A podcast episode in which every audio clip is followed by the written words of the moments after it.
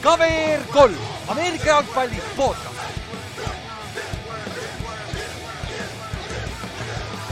tere tulemast kuulama KVR3 Ameerika jalgpalli podcast'i, minu nimi on Ülar ja minuga siin täna Kallaste. ei, ei, ei. ja sa ütlesid kauem, sest mul ei olnud lahti ka meie node'id veel, mul, mul unustasin ära, mis ma ütlema pean kohe järgi, millest me täna räägime.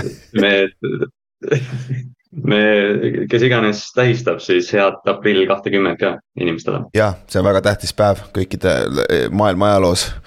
et äh, guugeldage, miks see on siis öelge meile ka, miks see tegelikult on, ma ei tea ka täpselt, aga. jah, ma lihtsalt, see on lihtsalt mingi suvapäev jop, tähendab, no sellepärast ongi tähtis, aga üks asi, mis, mille, miks, mille jaoks ta võib tähtis olla, sest et kaheks nädala aja pärast on ju draft.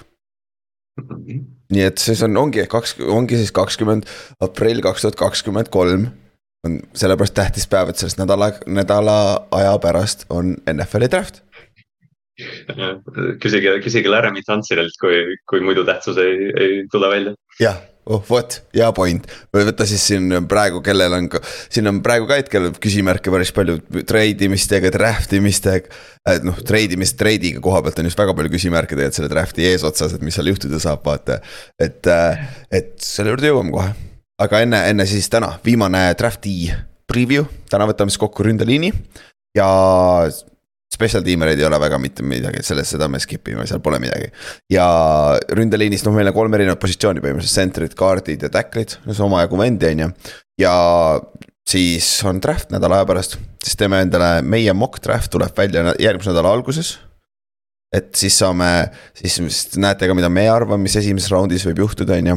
Ja siis lisaks sellele, me oleme juba siin mitu nädalat küsinud seda, et kas, et kes teist veel, veel oleks huvitatud seda draft'i vaata, vaata vaatama tulla meiega koos. põhimõtteliselt või noh, Kallastega koos.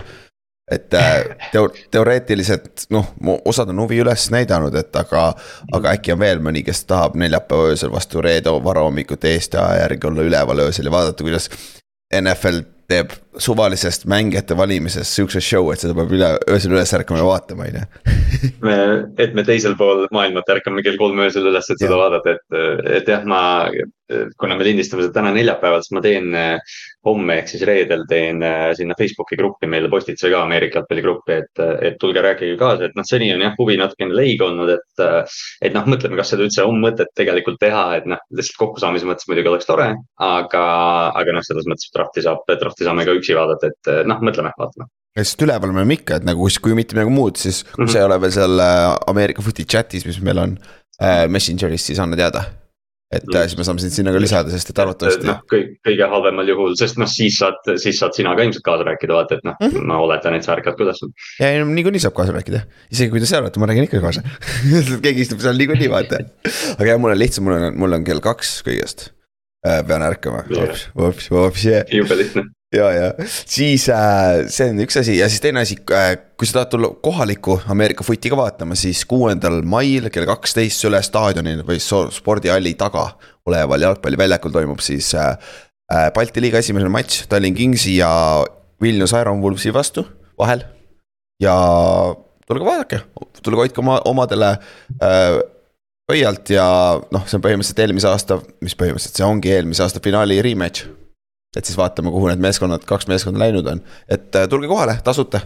tulge lihtsalt vaadake kohalikku footi ja kui sul on natuke rohkem huvi, tahad rohkem kaasa aidata selle kohale, kohalikule Ameerika footile siin. siis sa võid meile teada anda, sest meil on abikäsi ka seal mängul vaja, väga lihtsad ülesanded. aga kui sa tahad eriti lähedalt seda mängu vaadata, siis on väga head võimalused kusjuures ja mitte midagi muud tegema. kui tahad jah, kohtunik, kohtunikega juttu ajada seal mängu ajal ja, ja, ja väljaku ääres best, best seat in the house ja kõik asjad, et siis pead lihtsalt natukene aega mingid pulkasid püsti hoidma. jah, täpselt, et kui sul on vähegi huvi selle vastu, siis võid teada anda, et noh, me abikäsi on alati vaja selle jaoks, on ju. aga davai, lähme NFL-i juurde siis. ma ei tea, see, kui me teeme ainult ühe osa nädalas, siis tundub vahepeal, et nagu, mis me kõik rääkinud oleme, mis me ei ole rääkinud nagu. sihuke auk tundub olevat, me pole nii ammu rääkinud enam, sest et see esimene umbes. puhtalt, puht, puhtalt see, et kui ma panin, ma panin selle, noh, nüüd me räägime Ravensist varsti ja Ravensi püüdjatest, ma hakkasin mõtlema, kas me hotellist üldse rääkisime nagu noh, täiesti nagu mingid mälulüngad tekivad. ja mulle täpselt asi, minu meelest me rääkisime Commandersi müügist, aga see on meil kirjas siin, aga see ei olnud veel ametlik, sest see vist tuli kohe peale salvestamist välja, kui ma ei eksi.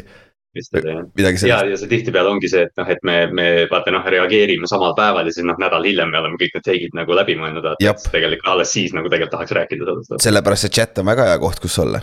Sa saad nagu kohe first hand äh, äh, paganama uudiseid, et äh, igasuguseid uudiseid. see läheb vahetevahel väga lappesse see, aga jah, igatahes juba viitasime, siis lõpuks ometi tundub, et äh, Washington Commanders, vana Washington Redskins, vana Washington football tiim äh, müüdi maha siis äh, Snyderi, Dan Snyderi poolt kuue koma null viie miljardi eest. mis on siis läbi aegade kõige suurem summa, mis on müüdud meeskond, on ju jah, üldse spordis, mitte ainult Ameerika jalgpallis aa, üldse spordis, okei okay,, neid äh, jalkamees, meeskondi pole kallimalt läinud või? ei ole siis Äh, minu teada neid ei ole vist hiljuti, neid suuremaid klubisid vist ei ole niimoodi nagu müüdud minu teada. okei, sest okei seal, on alati mingid osakud ja mingid asjad, et, et noh, seal vist ei ole nagu rohkem seda, mis Aa. Ameerikas tehakse, et noh, et terve omanike grupp vahetub, vaata. ja, ja okei okay,, seda küll jah, ja praeguse seisuga tundub, kusjuures see läheb, see väidetavalt ei ole veel kivisse raiutud, see müük, et see on veel kahe grupi vahel väidetavalt veel piidimisel, ehk siis hetkel on see summa kuussada kuus miljardit, kuus koma null viis miljardit, on ju.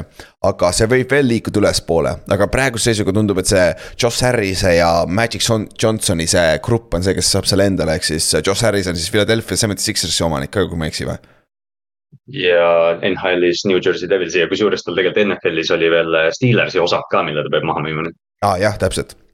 Täpselt sama, mida tegi ju see Panthersi praegune omanik, tal oli ka Steelersis oma osa, osanik, sest ta pidi ära müüma. äkki see on seesama osa? ja, ja ostis selle ära ja siis müüb kohe edasi. ja äkki on seesama osa, kui see päris osa, kes järgmisel ostab, saab ka omale meeskonda.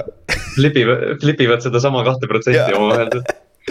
aga igal juhul äh,, aga väidetavalt see on mingi Kanada businessman, kellel on ka väga keeruline nimi, keda ma ei hakka isegi üritama, et tal on ka väidetavalt mingid võimalused veel, et see on sihuke noh. See ei ole vist, tundub veel sada prossa kindel, aga see on, tundub kindel olevat, Dan Snyder ei ole järgmine aasta, järgmise hooaja alguseks enam Washington Commandersi omanik. mis on nagu igatepidi hea, sest et see, see terve organisatsioon vajab ref-, refresh'i on ju. see noh, jah, kes NFL-i on natukenegi viimase kümnendi jooksul või viimase kasvõi kolme aasta jooksul jälginud, siis noh, Washingtoni ümber on alati keerlenud siuksed väga hägusad pilved. noh, alates mingitest, ma ei tea, maksupettustest kuni mingite cheerleader'ite skandaalideni, et, et noh, ma arvan, et NFL-i jaoks on, on parem, kui Dan Snyder sellest tiimist lahti saab. jaa, täpselt, et selles suhtes, eks me näe, kuidas sellega läheb ja potentsiaalselt uus nimi jälle võib tulla või lähevad tagasi Washington Redskinsi peale või mis iganes võib tulla, et see, sellel on huvitav asi, millel off-season'il hoiame kindlasti silma peal ja vaatame, kuhu edasi see läheb. aga siis äh, mõningad uudised veel äh,. oota, mis järjekorras me teeksime nüüd, et see loogiline oleks. Dalvin Cook on trade rumor väidetavalt, räägime draft'ist siis natukene, et Dalvin Cook siis Minnesota superstaar running back. ja ta on väidetavalt äh, äh, trade block'is sest tal on, mis ta leping on, ta sai extension'i on ju, aga kas tal on see.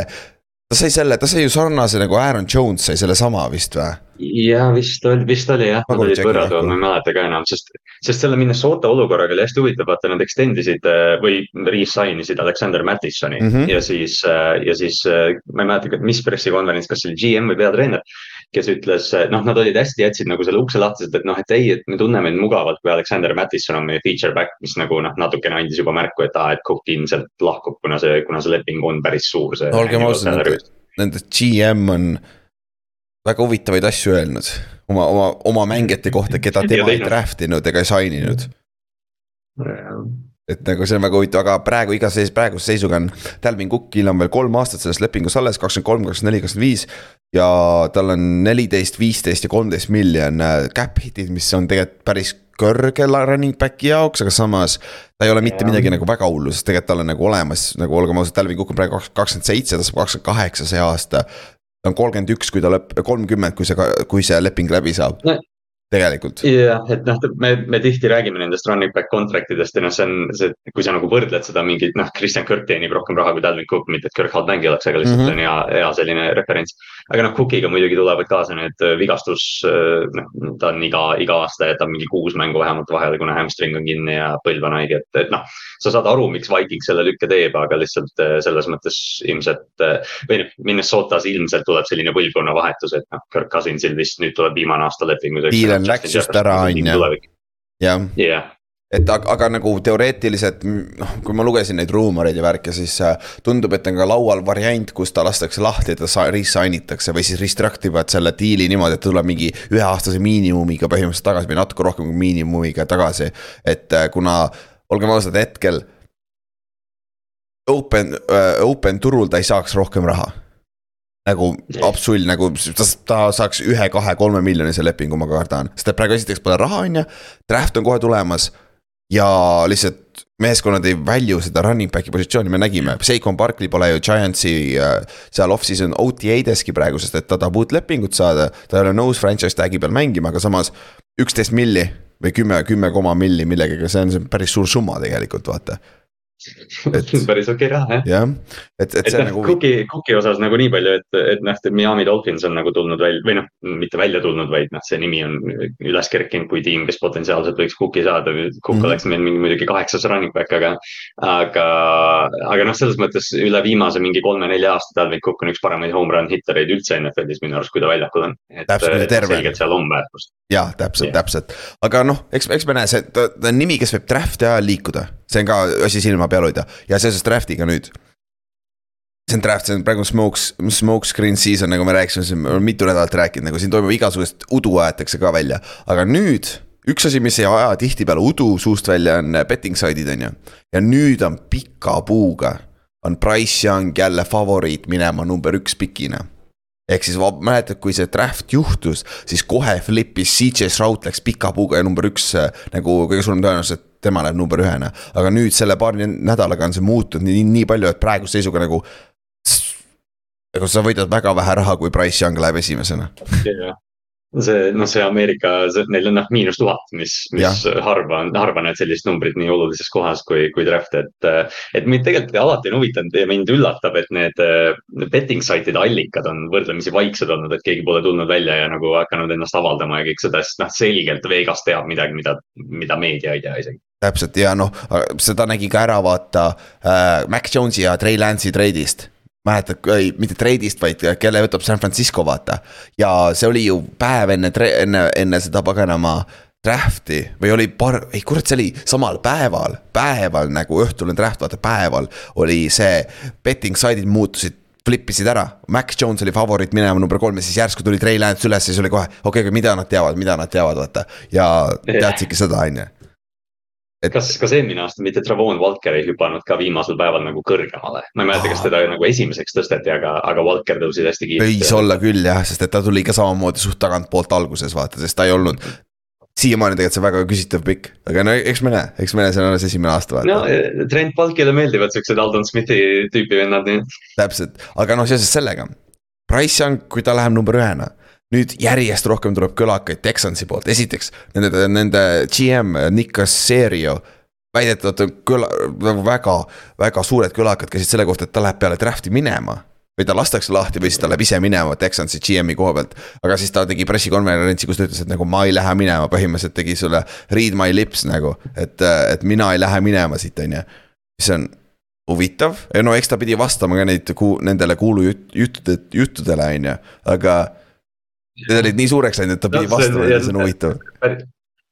ma ei, see ongi nagu see, et kas, kas see on hea või halb asi, et nädal aega enne draft'i räägitakse sinu general manager'i lahkumisest, et noh, et pigem sa ilmselt tahad selle kuulujutu nagu noh, lükkame nädal edasi ja siis tegeleme sellega siis.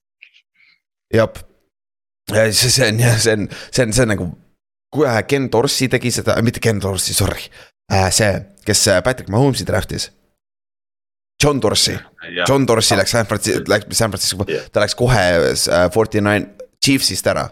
kui ta draft'is Mahomes'i peale draft'i on ju, et nagu seda on juhtunud varem, aga. see saab huvitavam, aga seoses sellega. mis, mis tiim see oli, kes lasi terve oma scouting department'i pärast draft'i lahti, alles hiljuti, kas see oli Jets või? või mingi tiim oli, kes või oligi Texans paar aastat tagasi või, kus nad tegid draft'i ära ja siis pärast draft'i lasti terve pro scouting uh, tiim. Giants tegi sedasama eelmine aasta aa, võis, võis. ei, aga see ei olnud Giants, ma tean küll, mida sa mõtled, see oli mingi hullult suur uudis, Giantsist pole räägitud, Giants ei lasknud kõiki, lasti, nad lasid mingi. Nad tegid väga palju restructuring'i peale draft'i, vaat sa ei saa teha enne, kui sa tuled uuena sisse aga no, on hea küsimus. kui sul on terve, terve hooaeg tüübid teinud tööd nende mängijate nimel ja siis noh, draftime ära ja davai tõmmake minema. ja see, see on nagu päris, päris lame. aga noh, see on business on ju, et äh, aga igal juhul see, see nüüd Texansi koha pealt on, see on üks, üks asi, mis tundub nagu väga kahtlane olevat, teine asi. järjest rohkem lähevad kõlakad suuremaks, et nad ei vali quarterback'i teise pikina. What the, nagu, nagu see, mäletad, me oleme rääkinud sellest mitu nädalat järjest juba, aga nagu see tundub ikka veel jabur olevat, aga samas. nüüd on väidetavalt San Franciscole, kellel on praegu hetkeseisuga kolm quarterback'i roster'is kes peaks olema kõik enam-vähem adekvaatsed starterid. väidetavalt San Francisco'l on mitu meeskond, mitmed meeskonnad helistanud ja küsinud Trey Lance'i kohta. kas Texans võiks olla potentsiaalselt see meeskond, kes läheb, toob Tex-, toob ära Trey Lance'i? sest et Demeco Ryans, kes on praegu Texansi peatreener, oli, oli ju paganama San Franciscos, ta oli kaitsekoordinaator. kes on scout-tiimi quarterback, tema rookie aastal oli Trey Lance ta teab täpselt, mis Trey Lance on, nende offensive coordinator tuli ka ju San Franciscost, on ju. Jah, see, see Slovak või kes ta on, et noh, nad selgelt see Houstoni, noh, siin nagu nüüd ma arvan, et see asi ongi nagu selles, et kui Houston ei tee seda Trey Lance'i manöövrit, siis me lihtsalt teame, mida San Francisco tegelikult ka mingil määral Trey Lance'ist arvab. sest need kaks kutti just tulid San Franciscost. ja seda küll, see on hea, hea point kusjuures, et siin teoreetiliselt võib juhtuda see, et äh,. Texans treidib oma näiteks kaheteistkümnenda piki, neil on teine ja kaheteistkümnes pikk, nad treidivad oma kaheteistkümnenda piki San Franciscosse Trey Lance'i vastu. ja siis teise pikina võtavad siin Tyrese Wilsoni näiteks. Tyree Wilson, Tyrese, mis ta on? Tyree Wilson jah. Tyree Wilson, defensive end, Texas, Texas Techist on ju ja naljakas on see, et kui, kui see peaks juhtuma, et Houston võtab nüüd, ma ei tea, teine pikk Will Anderson, Zaire Wilson, mis iganes see on.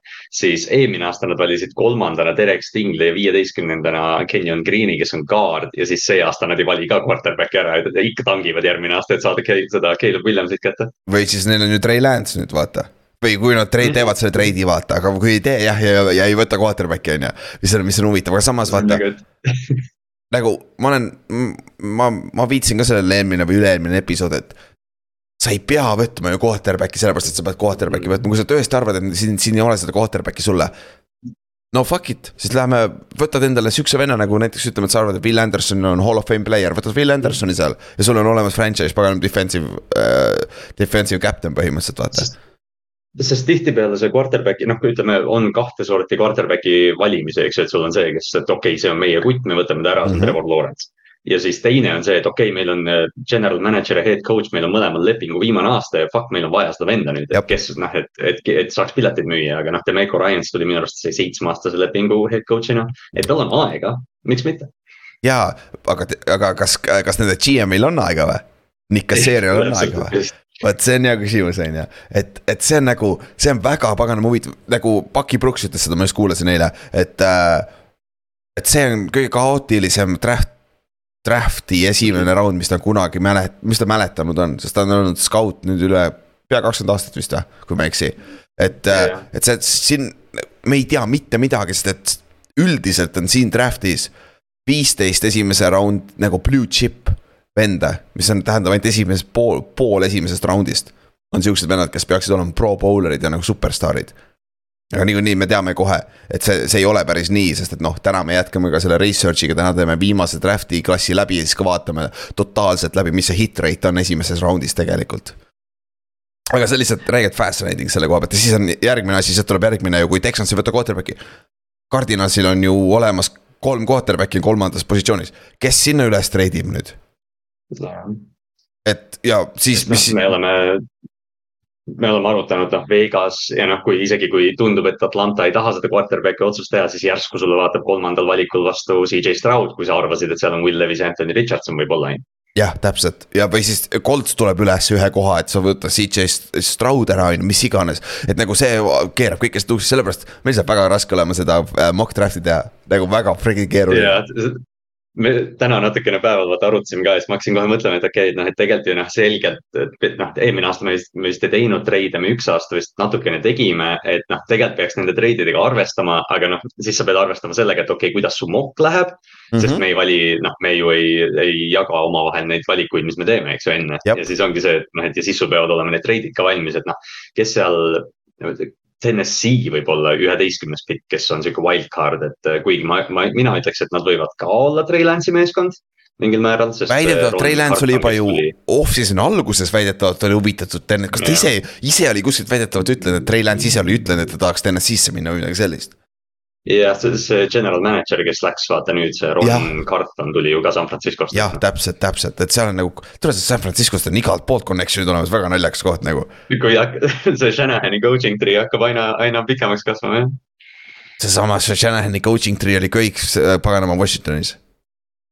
kõik olid Washingtonis nagu, täitsa sõge mõelda nagu kõik need vennad olid seal koos. McVay, LaFleur, kõik need tüübid ja noh, Kingsbury'd, kõik need, noh terve see noor põlvkond nagu noh, teavad üksteist, on sõbrad üksteisega, see on noh, tegelikult päris nagu lahe vaadata, aga. aga noh, see on naljakas jah, kuidas, kuidas noh, Kyle Shanahani ja Mike Shanahani äh, jooksuskeemid on NFL-i puhtalt üle võtnud, lihtsalt keegi teine ei jooksegi midagi teistsugust põhimõtteliselt. täpselt, täpselt nojah, see on noh, ta toimib tänapäeva NFL-is päris hästi, aga no eks ta ei ole ka kõik nagu see, mis Andy Reid teeb teiselt poolt ja siuksed, siuksed nagu neid call'e on nii palju, vaata, sul on vertikaalid ja. sul on see West Coast, klassikalisena West Coast on muidugi sees, domineerib päris palju tänapäeval. aga nüüd üks suur uudis ka, väga positiivne uudis. Uh, Jalen Hurtsile vähemalt ja Eaglesi fännidele, võib-olla mitte kõigile teistele, on siis see, et uh, Jalen Hurts sai siis lõpuks oma extension'i kätte ja ta sai siis viieaastase kahesaja viiekümne viie miljonilise contract extension'i, mis temast teeb temast läbi aegade kõige rikkama NFL-i mängija nüüd. Averi- äh,, keskmise average'iga, ehk siis ta saab viiskümmend üks koma millegi. aastase, jah. jah, aastase average'iga. aastase lepingu pealt. jah, et äh, aga sellest on ka sada seitsekümmend üheksa miljon garanteeritud millest on sada kümme miljonit fully garanteeritud ja siis äh, sada, sada kakskümmend kuus koma viis on siis äh, fully garanteeritud järgmise aasta alguses, kui ta veel meeskonnas on. ja siis seal sees on ka veel injury garantii, garanteeritud raha ja siis tal on veel viieteist miljoni eest incentive eid, et siis teoreetiliselt ta võib teenida kakssada seitsekümmend miljonit äh, paganama aastani kaks tuhat kakskümmend kaheksa potentsiaalselt. mis, mis noh, e, on vähetõenäoline, et, et ta täis selle väärtuse kätte saab jah, et kuna, kuna siin quarterback'i lepinguid on, on see off-season arutatud.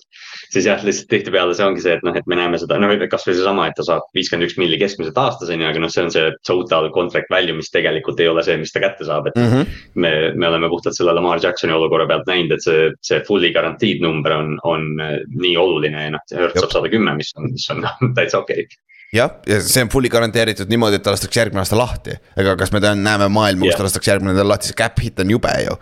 nagu Eagles on kuradi pankrotis kohe, on ju et äh.... no Eagles, Eagles muidugi eelmise tsükli tegi niimoodi, et ma ei imesta, kui Eagles kümnenda pikiga nüüd Anthony Richardsoni võtab siin. jah, miks mitte, on ju, ja siis treidime jälle Coltsi või kuskile ja siis saame, saame lahti yeah. niimoodi. et, et see on, selle koha pealt on see huvitav, noh, Hertz pidi selle lepingu tegema, sest ta läheb praegu oma viimasele aastale vastu, sest ta oli teise raundi pikk ja tal oli ainult nelja-aastane leping, vaata. aga nüüd äh, ja nad muutsid ka ära, äh, kuna tal on veel üks aasta alles, see aasta läheb arvesse, see, see, selle, see, selle aasta eest ta saab vist kuus milli. seda nad natuke andsid selleks aastaks ka talle raha juurde, aga, aga siis see, see extension kikib sisse alles järgmine aasta tegelikult vaata. et, et selle, selle koha pealt see on nagu huvitavalt mängitud ja kui sa tegelikult vaatad seda nagu struktuuri sellel lepingul, siis ta on ka nagu hästi team friendly, need salary cap hit'id on vist esimesel kolmel aastal ei lähe üle kolmekümne milli või oli esimesel neljal aastal lausa. et nagu see on väga madal, mis tähendab, et neil on see superbowl window on open praegu vaata. Mm. see on see. no see on see, see on see AJ AJ Browni leping mahub täpselt sinna cap, cap või noh, selle cap hit'i sisse, mis nad lükkavad edasi, et noh, tihtipeale see ideaalne viis quarterback'il maksta ongi see, mida põhimõtteliselt Eagles praegu tegi tegelikult, et sa, et sa maksad talle aasta varem, et sa saaksid. Noh, sa annad talle selle viieaastase pikenduse, mis efektiivselt on tegelikult kuueaastane leping, kuna tal oli aasta veel alles, siis sa saad seda raha edasi lükata tulevikku, mille ja noh, siis selle. noh, sa lükkadki kolm aastat on väike cap hit, äh, selle kolme aasta jooksul mäng, maksad mängijatele ja siis ühel hetkel tead, pikendad Hertzi uuesti ja lükkad veel seda raha raha natuke edasi. täpselt ja tema saab ikka selle raha kätte, sest tema saab selle Just. fully garanteeritud raha kätte, vaata et, et, et selle koha pealt on nagu äh, mõlemad võidavad, mõlemad osapooled ja see on, nüüd see on naljakas, et see juhtus enne Lamari oma sest et noh, nüüd on, nüüd on välja tulnud need kuulujutud, et nagu Lamaril oli väidetavalt parem leping laual ja noh, sa võid öelda, tal, tal, Lamaril oli sada kolmkümmend kolm milli fully garanteeritud. ja noh, sealt tulid ka incentive'id lõid sisse, mis oleks seal vist teinud kakssada milli oliks, oleks olnud nagu garanteeritud nagu koos nende mingite erinevate kikeritega, pluss veel siis incentive'id sinna otsa, et äh,. see on huvitav, et see nõndapidi juhtus ausalt öeldes. jah, ja noh, see on äh noh, nõme, ma, ma just, ma just ükspäev sinna chat'i kirjutasin ka, et ma ei ole kuri, ma olen lihtsalt pettunud Lamaris, et noh, et noh, selgelt Lamar on kõik oma leverage'i nüüd selle Jalen Hurtsi lepinguga tegelikult kaotanud praktiliselt, et. et ta sai kakskümmend kolm miljonit garanteeritud raha rohkem pakkumise ja ta ütles sellest ära ja nüüd Hertz tuli ja noh, me ootame seda, et okei okay,, et nüüd quarterback'id, noh, Herbert ja Burrow tulevad nüüd järgi, eks ju, et noh, et keegi reset ib selle turu ja noh, Lamar proovis seda teha, seda ei juhtunud. ja kas sa tõesti arvad, et Äh, raha ta ei saa? ma ei usu isegi, et ta Herberti raha saab. ma arvan, need kaks venda saavad äh, jah, mis iganes nad tahavad jah, nagu ma arvan, et äh, Burrow'l peaks tulema nüüd see kena ümmargune number, mis on siis virtually garanteeritud on kaks sotti, vaata kakssada miljonit. mis praegu Hertzil on vaata sada kaheksakümmend miljonit, vaata. et midagi sinnakanti, et, et see Lamari koha pealt ei lähe jah veits paremaks ja siis noh, lisaks sellele Lamari koha pealt tuli veel see uudis ka välja, et väidetavalt äh, ta tahab saada DeAndre Hopkinsit ka, et äh, Ravens treidiks Hopkinsi ka sinna, on ju. Oleks paha ju. aga sest me just üks päev, me üks päev arutasime Jakob Sooga ka seda, et shout out, aga, aga noh, et see Odelli leping oli, oli suur, suur raha, eks ju, ühe aasta eest, mis ta on, aga. aga noh, me just nagu mõtlesimegi seda, et huvitav, et kas see olukord on see, et Ravens ei tule Lamarile vastu, Lamar ei tule Ravensile vastu, aga siis nad kohtuvad seal keskel ja siis Ravens ütleb, et aa, me toome receiver eid, mis oleks nagu natukene ideaalne et eh, noh, võib-olla, võib-olla ma loen liiga palju siia sisse, et umbes, et Lamar hoiab Baltimoori praegu pantvangis, kuni ta paremaid receiver eid saab, aga noh, seni on see toiminud ja no OBJ tuli, on ju, kui tuleb Hopkins ka, okei okay,, siis see meeskond on teine ja siis, siis see kuradi, see paberi peal ikka väga jõhker kuradi meeskond, aga noh. siis see pilt, siis see pilt on natuke teistsugune, aga noh, see on, see on täpselt see, et, et Hopkins praegu cap'i alla mahuks, siis sa pead Lamari pikendama. edasi lükata. täpselt ja teine asi on see ka, et äh, Hopkins ütles et ta on, ta on nõus mäng-, ta, ta on okei okay selle lepinguga, mis tal praegu on, tal on kaks aastat, kakskümmend seitse milli keskmiselt aastas. mis on nagu, vist oli kolmandaks kõige kõrgem receiver'i leping. aga ta ja ka noh, kõik arvasid, et kui ta tahab treidi, tahab ka uut lepingut saada. siis tegelikult oh, Hopkins ise ütles, et ei, ma ei taha saada uut lepingut, mulle sobib selle lepinguga mängida nagu see on. tsiteeris ennast enda Twitteris ja ta tweetis tsitaadi, millele ta pani siis enda nime järgi, mis oli mingi viies isik või midagi. jah, ja kui ma ei eksi, siis Hopkins võttis endale agendi ka nüüd, tal, tal ei olnud enne agenti ka mm, -hmm. nüüd ta võttis agendi, on ju. et noh, Lamar peaks, peaks ka äkki selle lükke ära tegema või? sest et justkui, justkui nagu märgid viitavad sellele, et Lamar Jackson võiks agendi võtta, aga noh, kes me oleme, et Lamarile midagi öelda praegu. no täpselt, kui lõppude lõpuks, kui sa võidad ja saad selle raha endale, sa ei pea seda kolme protsenti või mis iganes see on. ei pea maksma oma agendile, miks mitte ma võin kihla vedada, et ta peab selle maksma kuskile mujale, oma emale või kes iganes seal. ma just mõtlen ka ja noh, ja täpselt. ja noh, ongi, et agent ju nagu aitab sul natuke rohkem tuhhi teenida, et noh, Lamaril ei ole ju tossu diiligi, et noh, et nagu noh, et sa võidad ju natuke rohkem, isegi kui sa pead nat-, no jah, midagi. see on nagu rabbit hole, millest me oleme nii pikalt rääkinud ka, aga igal juhul lihtsalt see Jalen Hurtsi leping nüüd, mis ta Eagles andis talle, muutis nüüd Lamar Jacksoni olukorda ka, aga nüüd me näeme, et nagu Lamari leping, kui ta saab selle see aasta, see tuleb umbes samade parameetritega nagu Jalen Hurtsi oma. kõrgem, esiteks, sest et noh, ta ütleb kohe, mul on MVP. Hurtsil ei ole, Hurtsil on üks hea aasta olnud, ma olen näidanud stabiilsemat, et ma ei suuda küll terve olla, aga ma olen näidanud rohkem nagu äh, kuradi ma äh, kõrgemat mängutaset on ju üldiselt oma karjääri jooksul. et äh, selles suhtes ma eeldan, et Lamari oma tuleb sellest suurem natukene, aga võib-olla see tegelikult, aga kokkuvõttes võib-olla see Hertzi leping, et see tehtud sai praegu. võib-olla see ka nüüd natukene aitab äh, Lamari lepingu valmis teha lõpuks vaata, sest et noh, nüüd on nagu selgemad parameetrid ees, sest Hertzi ja Lamari saad väga selgelt võrrelda tegelikult mängustiili poolt vaadata. ma just ise mõtlesin ka, et, et see tundub nagu noh, vaata kui see uudis välja tuli, siis me natukene nagu arutasime ka selles chat'is, et, et noh, et oi-oi-oi, et nüüd on Baltimooril või noh, umbes, et Baltimooril on jama majas nüüd või Lamaril on jama majas, aga see pigem ma arvan, ongi see, et okei okay,, noh, okei okay,, see pole varem olnud see off-season, et me, meil on ju lepinguid, millega võrrelda. ja siis mm -hmm. Lamar Jackson ütleb, et näed, Sean Watsoni leping, palun väga, on ju, et, et noh ma tahaks loota, et see Hertzi, Hertzi leping, Ravens sainiks kohe selle lepingu Lamariga, kui võimalik ja ma arvan, ma arvan, et Lamar Jackson oleks ka tark, kui ta sellise lepingu sainiks. no me arvame, et ta sainiks, no arvatavasti sainiks, sest väidetavalt see leping, mis ta pakkus, mis Ravens eelmise aasta alguses, eelmise hooaja alguses pakkus Lamaril, oli väga sarnane sellele praegusele et, äh, et selle, selle koha pealt. oli vist natukene rohkem jah. jah, vist küll jah, et, et selle koha pealt peaks äh, päris huvitav, nagu nüüd saab peale draft'i läheb huvitavaks. sest et äh, siis, siis on see aeg, kus tihtipeale need lepingud lõpuks tehakse ära, on ju. siis äh, äh, üks quarterback veel, kellest peame, kellest oleme rääkinud, kellest peab mainima, on Aaron Rodgers, sealt pole mitte midagi juhtunud Jetsi ja Aaron Rodgersi ja Backersi vahel, on ju, aga draft'i ajal, järgmine nädal, ma arvan, see juhtub ära, sest et ma eeldan, et Backers tahab selle aasta draft'i pikke saada Rodgersi eest. ma ei usu, et. jah, ei kindlasti, sest siin nad, nad, jah, see tundub, et see nagu see heitlus nende kahe tiimi vahel, Backersi ja Jetsi vahel on siis need first rounder'id, mida Jets ei taha ära anda, aga, aga jah, ma arvan ka, et seal võib isegi olla mingi see teema, et tegelikult neil on mingi deal paigas, lihtsalt nad ootavad, et, et NFL teada ei saaks seda midagi mm. -hmm et, et jah, kusjuures tegelikult hea point, vaata eelmine aasta Hollywood Browni treid oli ju, see oli ammu tehtud juba ju. Et, et see on hea point kusjuures jah, jah. Erik de Costa, ma mäletan, ütles pressiga veel, et umbes ainult mingi viis inimest teadsid sellest Hollywoodi treidist tegelikult. et äh, ja noh, see oli paar, mingi jah, kuu aega oli juba valmis, et noh. Rogersi, Rogersi saagat jah, me oleme päris palju lahanud, aga, aga mõlemad osapooled on nagu nii kindlalt öelnud, et see juhtub, et noh, raske on näha maailma, kus see ei juhtu. ja täpselt, aga siis rääkides quarterback idest kuna meil on täna veits aega, kuna me teeme väikest ründeliini, ründeliini mängijaid ei ole nüüd nii palju, me peame ainult nad läbi võtma, siis.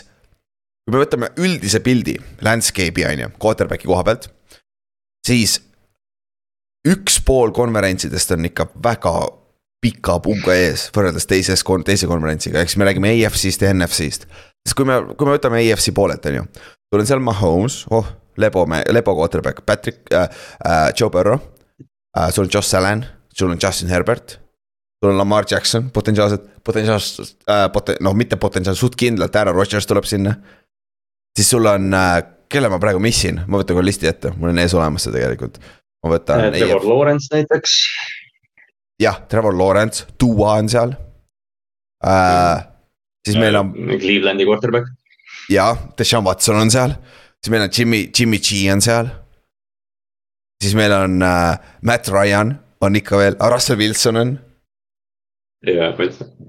et tegelikult nagu, kui me räägime siis äh, NFL-i top viis quarterback idest, Burrow, Mahomes, Josh Allan ja.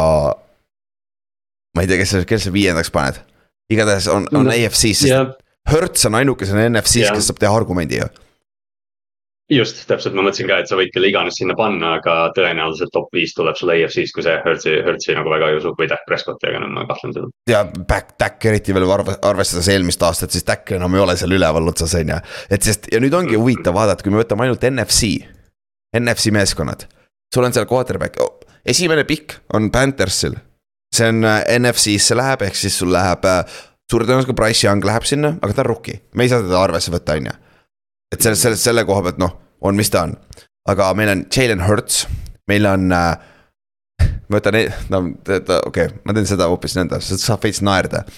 kui me võtame BFF-i quarterback reitingud eelmisest, eelmisest hooajast ja võtame nüüd ma tegin, panin siia kuusteist meeskonda, kõik NFC meeskonnad. niimoodi, kes on kõige paremad quarterback'id, top kümme quarterback'id NFC-s BFF-i järgi eelmise hooaja äh, äh, nagu taustal. Jalen Hurts on number üks, Jakobi Brissett on number kaks, Andy Dalton on number kolm, Gino Smith on number neli, kes jagab Kirk Cousinsiga samad reitingud, neli-viis.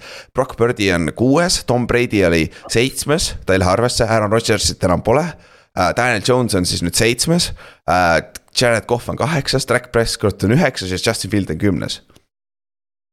on see ikka list või? ja nüüd kõrvuta, kõrvuta jah, AFC top kümnega. jah, täpselt, täpselt, et äh, Hertz on kindlasti on ju, minu, on ju, selles saame selguse, et Hertz on number üks quarterback NFC-s on ju. Äh,. ma ütleks küll jah, noh see jah, kõik, mis eelmine hooaeg nägime, ütleb seda. jah, ja siis sul on seal veel top viite lähevad, sa pead panema sinna. Dak Prescott on selle conversation'is kindlasti on ju sul on kaks nime, kes, jah, kaks nime, mis on ka huvitavad nimed, aga kes on vigased olnud eelmised aastad, oli Tyler Murray ja Matthew Stafford on ka seal tegelikult veel. on ju, aga me ei tea, mis nad on, kuna Staffordil on see kaelavigastus, selgroovivigastus on ju. ja Tyler Murray'l on ACL, ta ei ole kindlasti hooaja alguseks valmis. siis on Derek Carr on seal Saintsis nüüd vaata. aga Juhan, sa ütle meile täpselt, mis sa arvad Derek Carrist, on ju, kõik, rohkem pole vaja äh, ja siis kes siis seal on, tegelikult nagu ausalt, Daniel Jones, Kirk Cousins. Gino Smith, okei okay,, Ott, sorry. mu silm peatub, silm peatub kogu aeg nimel Jared Cough ja ma mõtlen, et kas Jared Cough on tõesti mingi top neli quarterback NFC-s või? tegelikult eelmise aasta vältel nagu, ta oli kuradi hea seal ründes tegelikult no,. et nagu no okei okay,, mitte kuradi maja, aga ta oli väga hea, on ju, et selle koha pealt lihtsalt see näitab ära, kui paganama crazy see quarterback'ide situatsioon on nagu erinevad. AFC-st superbowlile jõuda, sa pead läbi minema Josh Allan'i, Burrow, paganama Patrick Mahomes'i põhimõtteliselt. ja siis paganama NFC poole pealt mängid Derek Carri, paganama äh,, ma ei tea. Dak Prescotti ja mängid paganama Jama-, Matthew Staffordi vastu. Eagle, Eagles eelmine aasta mängis ju Kirk Cousinsi, Daniel Jones'i ja siis kes iganes San Francisco eest väljakul oli. ei, nad mängisid kohe Giantsiga mängisid, Kirk Cousins mängis yeah, Giantsiga jah yeah., jah, Daniel Jones, Brock Birdi, slash uh,, kes see oli siis? kes see? Josh Johnson, Johnson ja, ja Christian McCaffrey. jah, põhimõtteliselt, et uh, ja siis finaalis mängisid Mahomes'i vastu, sõita pähe, on ju, et nagu. see tegelikult mängib ka rolli, sest play-off'id on ju, play-off'is sa näed neid quarterback'e vaata. et uh,, et see on lihtsalt nagu räigelt huvitav ja nüüd teine, üks, üks nimi on, on ju Brock Birdi, kes mängis hästi. aga kas me teame, et ta on starter? Nope. ja nüüd, mis seal San Franciscos toimub tegelikult? et teoreetiliselt praeguse seisuga on meil Trey Lance, Brock Birdi ja Sam Donald, quarterback'id seal kolmekesi. ja. see, see Donaldi nimi võib kõlada natukene naljakalt, aga seal on tegelikult alust, et Sam Donald võib San Francisco starter olla. au, tahad ausalt öelda?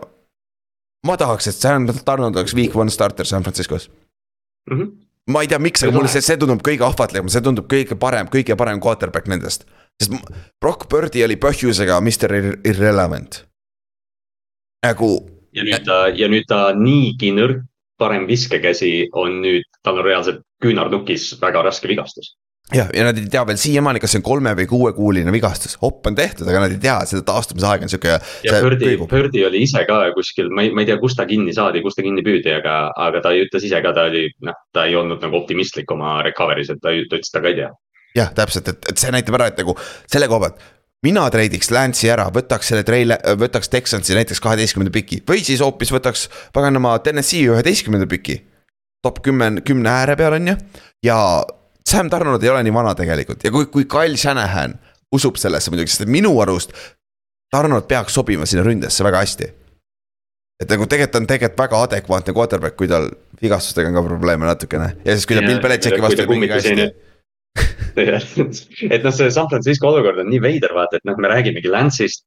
Lance valiti potentsiaali pealt lihtsalt see, et noh, et ta, ta võimaldab nii palju rohkem teha aga noh, see, me oleme näinud quarterback'e San Franciscos, kes on edukad, on mingid Nick Mullensid ja sellised tüübid, kes noh, ütleme kujundlikult kuulavad sõna lihtsalt mm. -hmm. noh, sööda see pall sinna ja las Tiibo Samuel teeb seitsekümmend jardi, eks ju, et ja noh mm -hmm., kui sa võtad sinna dünaamilise mängija nagu Trey Lance potentsiaalselt siis noh, sa pead mõtlema selle peale, et okei okay,, kuidas Lance saab ehitada, et, et noh, ma arvan, et Arnold, Arnold on nagu, kõlab täiuslikult selles olukorras, selles mõttes, et tal on kõik need äh, oskused olemas, aga ta on ilmselt päris humbled. et ta ilmselt nagu kuulab Jimmy G-d, aga kas San Francisco astub jälle sellesse ämbrisse?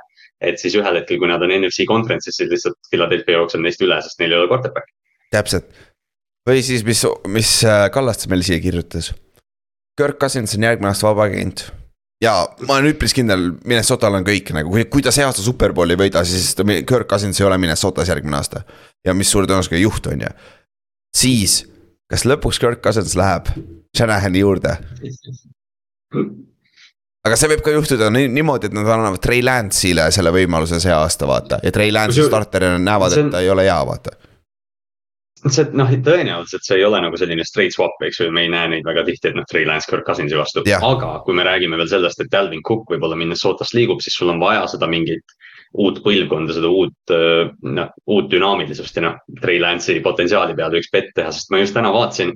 kirjutasin need numbrid meile sinna chat'i ka, aga, aga Trey Lance on vist ainult kolmes NFL-i mängus visanud rohkem kui kakskümmend palli ja ta on mm -hmm. kaheksas mängus üldse vist mänginud. et või noh, väljakul olnud et. Äh, kolme aastaga. San Francisco jah, mängib, aga noh, San Francisco mängib ka nagu selle ohuga, et nüüd me saadame Trey Lance'i Minnesotasse, ta jookseb tuhat jardi ja samal ajal Sam Sarnud viskab seitse interception'it esimese kolme nädalaga. sa, sa maksid ta eest roppu raha, et teda saada, siis sa anna, saadad ta kuskile mujale. niimoodi, et temast tuleb pro bowl quarterback, keda sina ajasid taga ja siis sul enam ei ole, on ju ja, ja noh, me räägime, et noh, et Tennessee, Tennessee üksteist või Houston kaksteist pikk, aga noh, me ei ole üldse kindlad, et nad tegelikult mingit first rounder'itki sellest saavad, sest miks tiimid peaksid seda andma, kui sa tahad Lance'ist lahti saada. täpselt ja teine asi on ka siin see, et. see on, see on äh, John Lynch'i nimi on seal pagana seina peal. nagu sa draft'id, kui sa, kui sa maksid nii palju mingi asset'i ees, sa tahad näha kõigepealt, kas see on üldse väärtuslik, enne kui sa teda, teda ära liigutada, vaata. et noh, trennis nad on aru saanud enam-vähem võib-olla, mis Trey Lance on, on ju, aga see on trenn. tegelikult see ei ole päris mäng, vaata et, et, et see saab räigelt huvitav olema, mis, mis, mis, mis San Franciscos juhtub ja see võib väga hästi siduda kokku paganama selle aasta draft'iga. et see on nagu jõhkralt huvitav, aga paneme, paneme top, tahad, tahtsid öelda veel midagi või? Ei, lihtsalt, ma hakkasin nagu mõtlema selle peale, et viimased paar off-season'it me oleme näinud, vaata noh, Stafford, Wilson, noh, et üks quarterback alati liigub ikka mingi sihuke veteran, Matt Ryan. et huvitav, kas Cousins võib see aasta see tõesti olla, sest vaata, kui nagu mõtlema hakata, siis siukseid veterani ei ole väga. no Rodgers on vaata tegelikult nojah, Rodgers ka, jah, ütlesin, et Rodgers on optsioon jah. jah, aga, aga jah, teoreetiliselt siin on võimalus küll nagu see on täiesti vaba, sest et. Ta enda GM viskas eelmine aasta Cousinsi bussi alla kohe esimesel pressikonverentsil põhimõtteliselt nagu. et äh, seal nagu see GM otsib samamoodi Wood quarterback'i ja võib-olla nüüd on. kurat, ma Anthony Richardson või Will Levis slaidib ja tahab nüüd üles treidida hoopis vaata. Draft'is on ju, mis iganes võib juhtuda, et see on nagu huvitav. aga enne kui me läheme draft'i juurde, ründeliini juurde top, paneme top viis NFC quarterback'i kokku, Hertz on üks. kes teine on? Hertz on üks äh,. Uh, uh, uh. Sul on Gino Schmidt, mängis ühe aasta hästi. sul on Kirk Cousins, kes on stabiilselt olnud hea. hea, väga hea, nagu hea, mitte, see on maksimum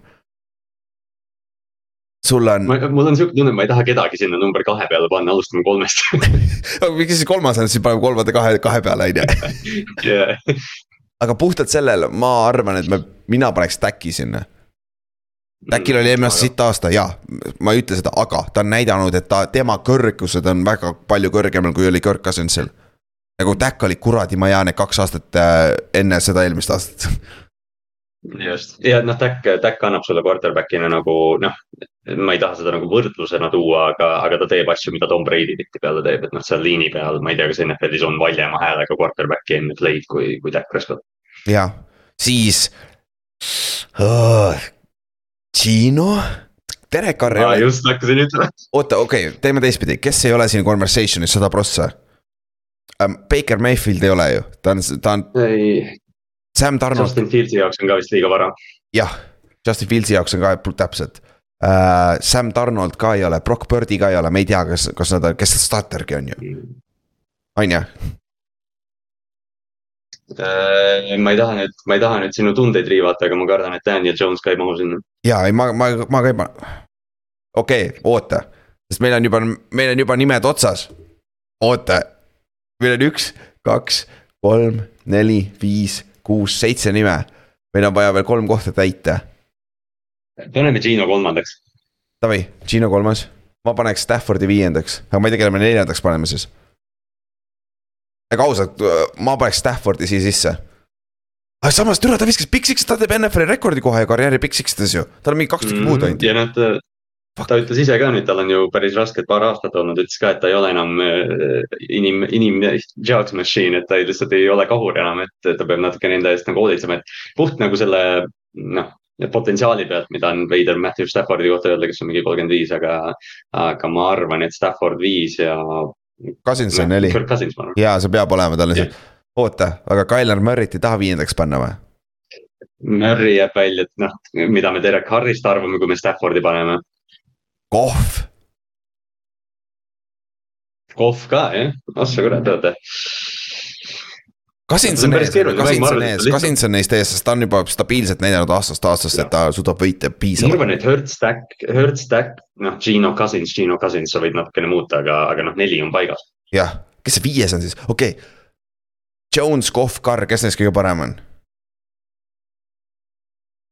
Kohv. ma viskaks Carri välja sealt, mul on Jonesi või Kohvi vahel. jah kuigi. jah, et see on, see on jah, õigem, õigem viis seda öelda. sest et kohv on hästi, aga ta on vahetevahel on ta ebastabiilne, eriti kui tal kõik asjad ei ole olemas. nagu noh, Jonesil on, tere, sest Jonesiga mul, mul hakkab see haip üles tekkima, sest meil on lõpuks seda talenti ta ümber, on ju, aga siis ta saab viga jälle, siis ta ei saa mängida, on ju, mida putsi ei noh, Jones puht kui mitte midagi muud, siis kui sa vaatad seda listi, siis no okei okay,, Hertz pakub sul jalgadega rohkem, aga, aga Daniel Jones. noh, okei okay,, ja Tyler on ka, vaata Tyler on ka sihuke dünaamiline mängija mm -hmm., tegelikult, tegelikult. noh, kui, ma ei tea, ma paneks tegelikult Tyleri võib-olla viiendaks. ma vist paneks ka Kyleri, sest see potentsiaal on olemas, me oleme näinud, ta mängis MVP tasemel ju. ta oli kaheksa mängu MVP tasemel. jah, nagu ta võib, paneme Kyleri praegu. eriti veel nüüd, kui tuleb uus. tere, ma ei tea, raisk. täitsa päris, miks nii mulle kaks keeruline. aastat tagasi, et ma, et ütle, et me rängime quarterback'i Gino Smithi üle Tyler Murray. Kirk Cousins on üle Kyler Murray.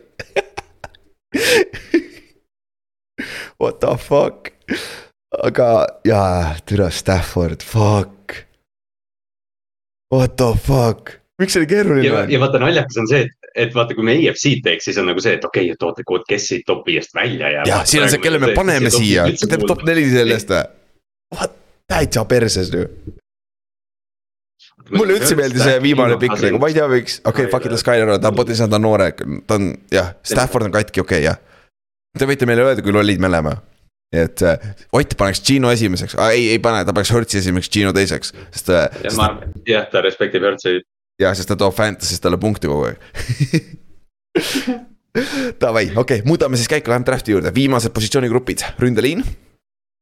ja meil on ikka äh, kolmkümmend üks draft'i piki, rohkem pole vahepeal draft'i piki treiditud. meil on üks, kaks, kolm, neli, viis, kuus.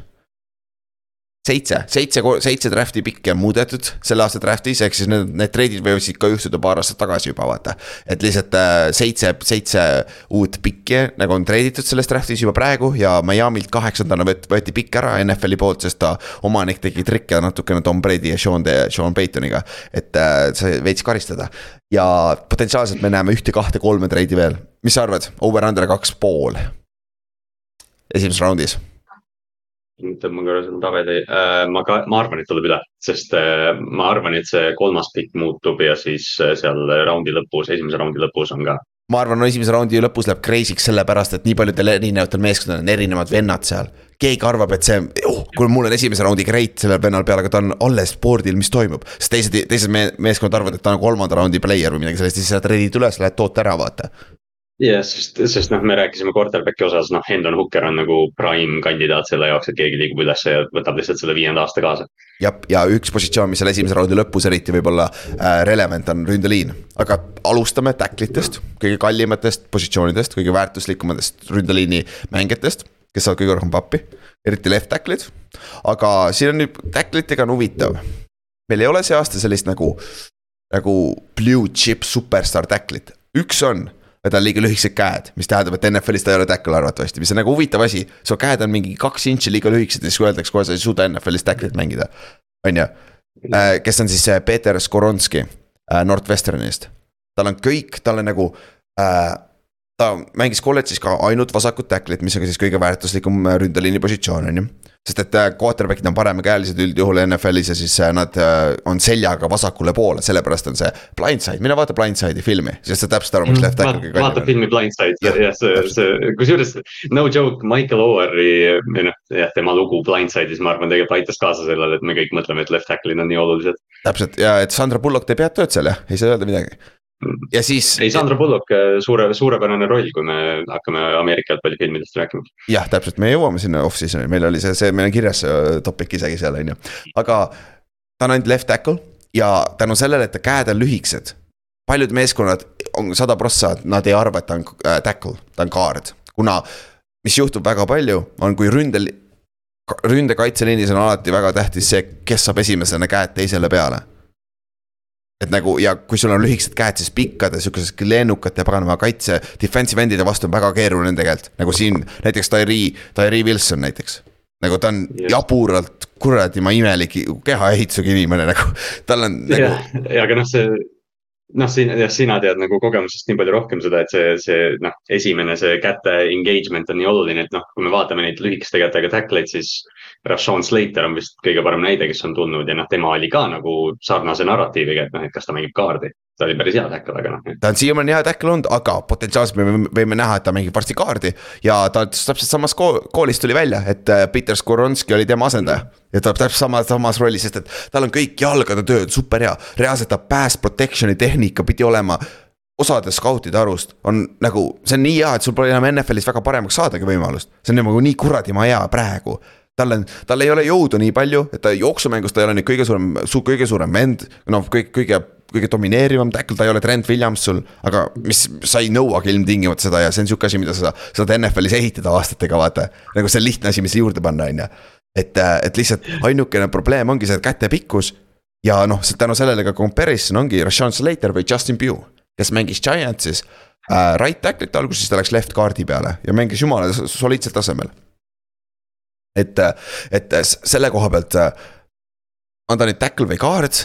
ma arvan, et ta, kusjuures ma arvan, et ta draft itakse päris kõrgel ja ta mängib alguses tackle'it jah, sest jah, see, ma arvan ka, see, see kõlab kõige reaalsemalt, sest ta tundub noh, ma ei ole nüüd süvenenud väga palju O-line'i teipi see aasta, aga, aga Skoronskist räägitakse kui noh, umbes noh, ongi, et äh, Rashawn Slater või Justin Pugh või Zack Martin isegi, kes tuli, et äh, ma olen seda kompi ka kuulnud mm. -hmm. et noh, sa puhtalt võtad selle riski top kümnes, et ta on äh, suurepärane left tackle aa ah,, okei okay,, ta ei ole väga hea left tackle, aa ah, okei okay,, ta on Zack Martin left guard'i peal, vahet ei ole ju.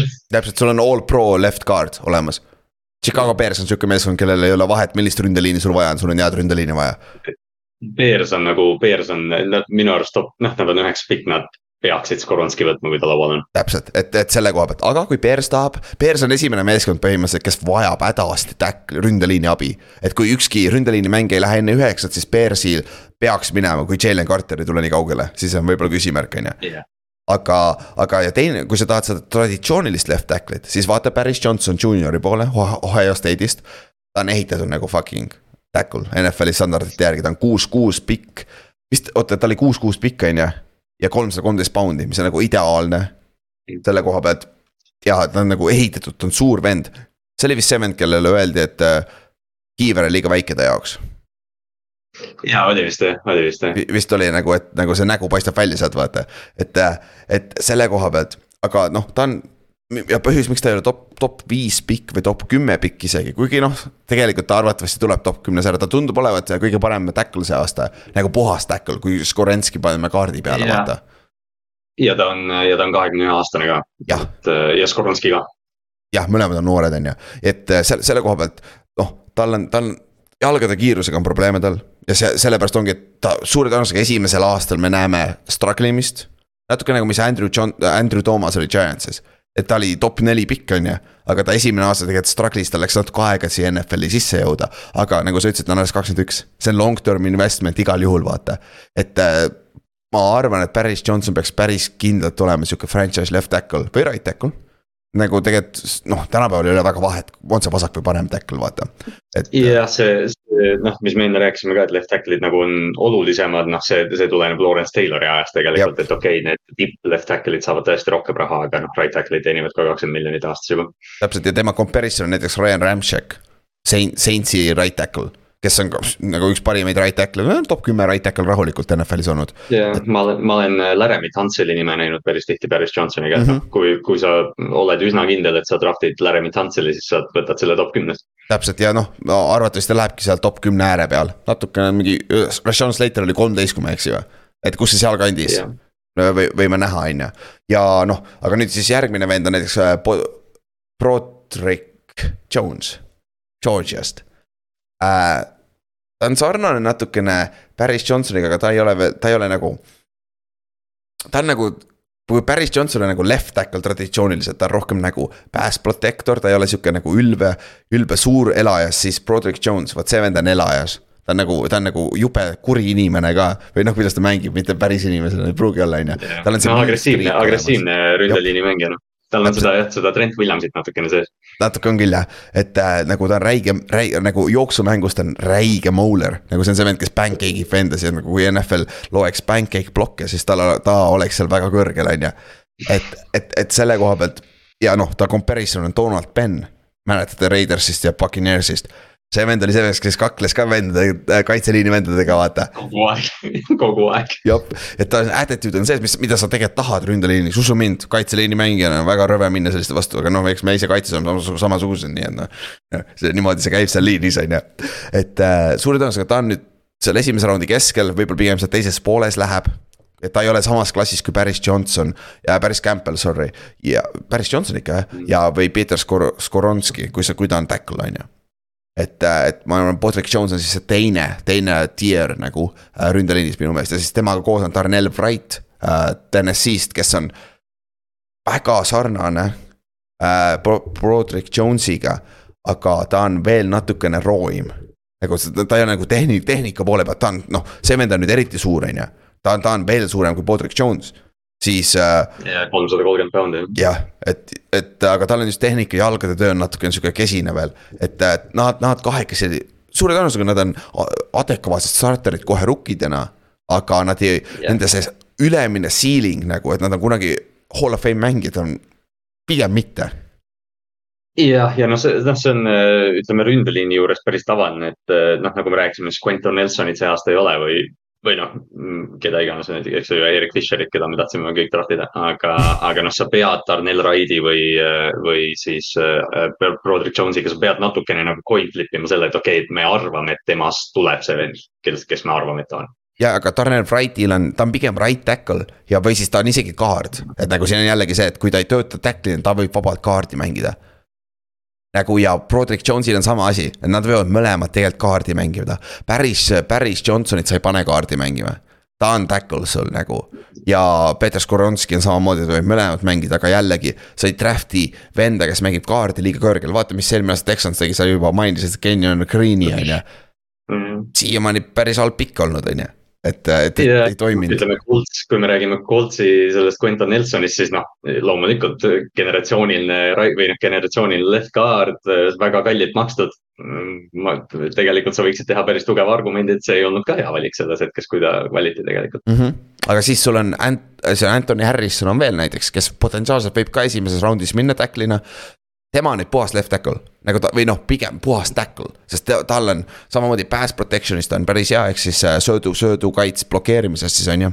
aga jooksu vastu tal on probleeme, ta on nagu Peter Skorenski natukene, aga ta on nagu ehitatud nüüd paremini. aga ta ei ole nii, nii äh, terviklik mängija veel et tal on nagu potentsiaali olemas, et olla left tackle või kõrgetasemeline tackle, aga aga ta ei ole nagu jooksumängust on suht non-factor praegu ja tehnika poole pealt ei ole ka veel seal, kus Skorenski on et, et, et, selle koha pealt äh, see on ka nagu nimi, mille silma peal hoida, kes arvatavasti võib siin esimese raundi lõppu sneak ida sisse, sest et lihtsalt tackle'i positsioon on nii kuradi väärtuslik, vaata.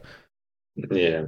ja ongi, et, et noh, kui sa vaatad mingeid suuri big board'e, siis noh, Anton Harrison ei ole võib-olla üldse kolmekümne kahe lähedalgi. aga kuna tiimid hindavad, noh, kuna me peame neid positsioone nagu hindama natuke erinevalt, siis noh, tõenäoliselt running back'id kukuvad ja tackle'id puht loomulikult tõusevad, sest sa ei taha, et su quarterback peksa saaks. Täpselt, et selle koha pealt noh, üldiselt kui me vaatame, siis Skoronski kindlasti esimene raundi pikk top kümme, ma arvan, ta läheb top kümnes ära sul on Paris Johnson top viisteist läheb minema ja siis tuleb, aga siis tuleb tropp ja siis on nagu mäletad kaks aastat tagasi äh,. äh Tarrisso näiteks Minnesotasse vaata selle koha pealt, kes on ka kahekümnendana valitakse, aga peale, peale esimest aastat päris hea, peale teist aastat kuradi hea left tackle on ju. et siis äh, mm. Broderick Jones ja siis sul on Darnell Wright lähevad sinna kategooriatesse. ja siis võib-olla äh, Anton Harrison läheb seal teise raundi alguses, võib-olla sealkandis on ju. aga noh, siin on veel mõned nimed, kelle silma peal on hoida, on Davan Jones, kes oli Ohio State'is, right tackle nüüd. Paris Johnson oli left tackle ja ta on kuus-kaheksa pikk ja kolmsada kuuskümmend poundi see, see oli jah, ma kuskilt kuulsin, et, et, et noh, ta kombainis vist kaalus, eks ju. ja siis äh, Pro Day'l enam ei kaalunud, mis noh, ilmselt viitab sellele, et see number on äh,, võib-olla algab ühe suurema numbriga kolmekohaline algab neljaga võib-olla. et kolmsada kuuskümmend poundi, palju see on? Sada kuuskümmend kolm kilo. okei okay,, meil on siin Potsdamis Austraalia äh, left tackle, sama pikk ja sada seitsekümmend kolm kilo. Mm no ma just hakkasin ütlema ka, et me oleme tegelikult viimased aastad, noh puht Raimonsi fännina ma olen kahte sellist venda näinud, Orlando Brown ja Daniel Falele on ju, et ja noh, me Jordan Mailatast rääkimata, kes Philadelphia's teeb, teeb maailma, et noh, sellistele pirakatele meestele on puht tackle'i peal kohta, sest nendest on raske mööda saada, sest nad on nii kuradi suured ja pikad. täpselt, täpselt, kurat, usu mind, ma juba tean, nendest on väga keeruline ümbert läbi saada, sa pead kaks sammu rohkem võtma, kui, kui teiste mängidest ümbert läbi minna. see võib, see, sa võid kõik need, noh, lowest man wins, kõik leverage, kõik värgid ja siis tüüp on kuus-kaheksa ja lihtsalt hoiab sind. jah, ma, ma ei, ma ei saa, ma ei saa käsi pihtagi talle vaata enne kui, enne kui see. jah, paneb su, paneb nagu väiksele vennale, paneb käe niimoodi kiivri peale. täpselt, täpselt, põhimõtteliselt jah, aga noh äh,, Davan Jones samamoodi, ta on tugev, elaja, suur jalgade töö on problemaatiline, mida sa eeldad ka sellise kasvuga vennalt, on ju, speed rusher'i vastu tal on arvatavasti probleeme ja ta comparison on Orlando Brown Jr. aga ta on teise raundi vend, ta ei, ma arvan, et ta ei tule, Anthony Harrison läheb enne pigem ära kui uh, Damon Jones jah, ja noh, see puht Orlando Browni näide, vaata on nii hea ka, sest me nägime Baltimooris, kui Orlando Brown oli downhill power blocker, siis noh, keegi ei saanud tema vastu, kui ta läks Kansas City'sse, kus noh, sööt on olulisem ja tackle'id on rohkem space'is, siis noh, hakkas Orlando Browni pealt natukene tead kärisema, et. et noh, seal sõltub nii palju noh, ütleme Skoronski võib-olla on skeemikindel, Paris Johnson on skeemikindel. aga, aga jah, kui sa võtad Davan Jones'i, siis noh, ma loodan, et ta roll on selgelt see, et ta noh, kasutab oma suurust ja jõudu selle asemel, et ta peab liikuma. täpselt, täpselt ja siis sul on veel paar huvitavat nimi, Matthew Bergson Berger, Bergerson, ongi Bergerson hoopis äh, ja ta on pass protector, ta on, ta on sihuke nagu Anton Harrison natukene, et jooksu vastu ta ei ole, ta ei ole väga jooksuplokis, ta on pigem hea sööduplokis, on ju. ja sitemal juhul ta on NFL-is swing tackle ehk siis esimene vahetus tackle, aga teise-kolmanda raundi vend puhas ja. heal juhul on äh, starting tackle, aga ta struggle ib arvatavasti NFL-is omajagu E-, esimesel aastal. et ta ei ole nagu äh, polished äh, paganama äh, player veel, on ju. siis Cody Mouch on järgmine, viimane vend, kellest räägime, see on huvitav vend. sest et minge guugeldage ta äh,, guugeldage tema freshman'i pilti ja tema senior'i pilti. Noh, pange ta nimi lihtsalt Google'isse, võta pildid lahti, sa näed üles seda comparison'i. See... paneme selle pildi sinna Facebooki gruppi ka, see on, see on nii hea lihtsalt.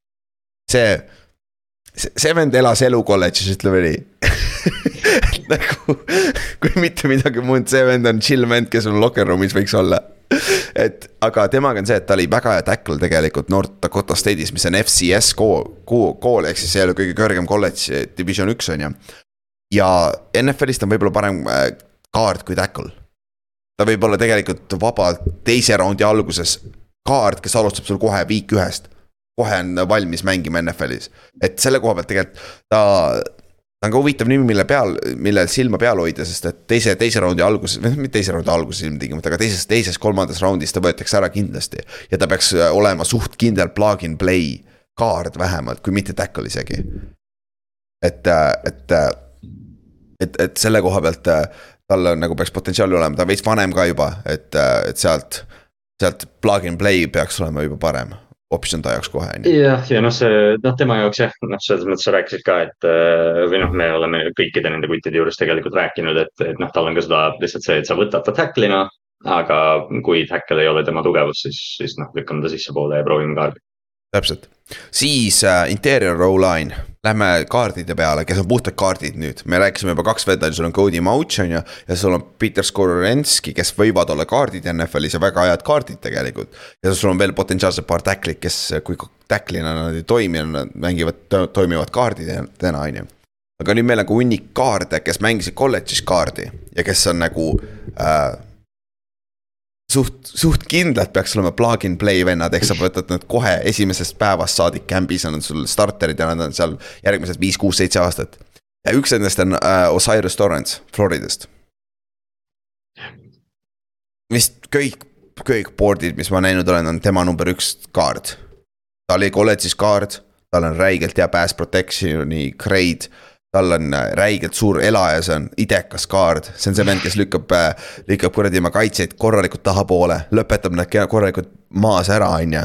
et äh, pro comparison on Brandon Brooks, Brooks on ju, kes oli Eaglesis on ju, väga kuradi hea kaard.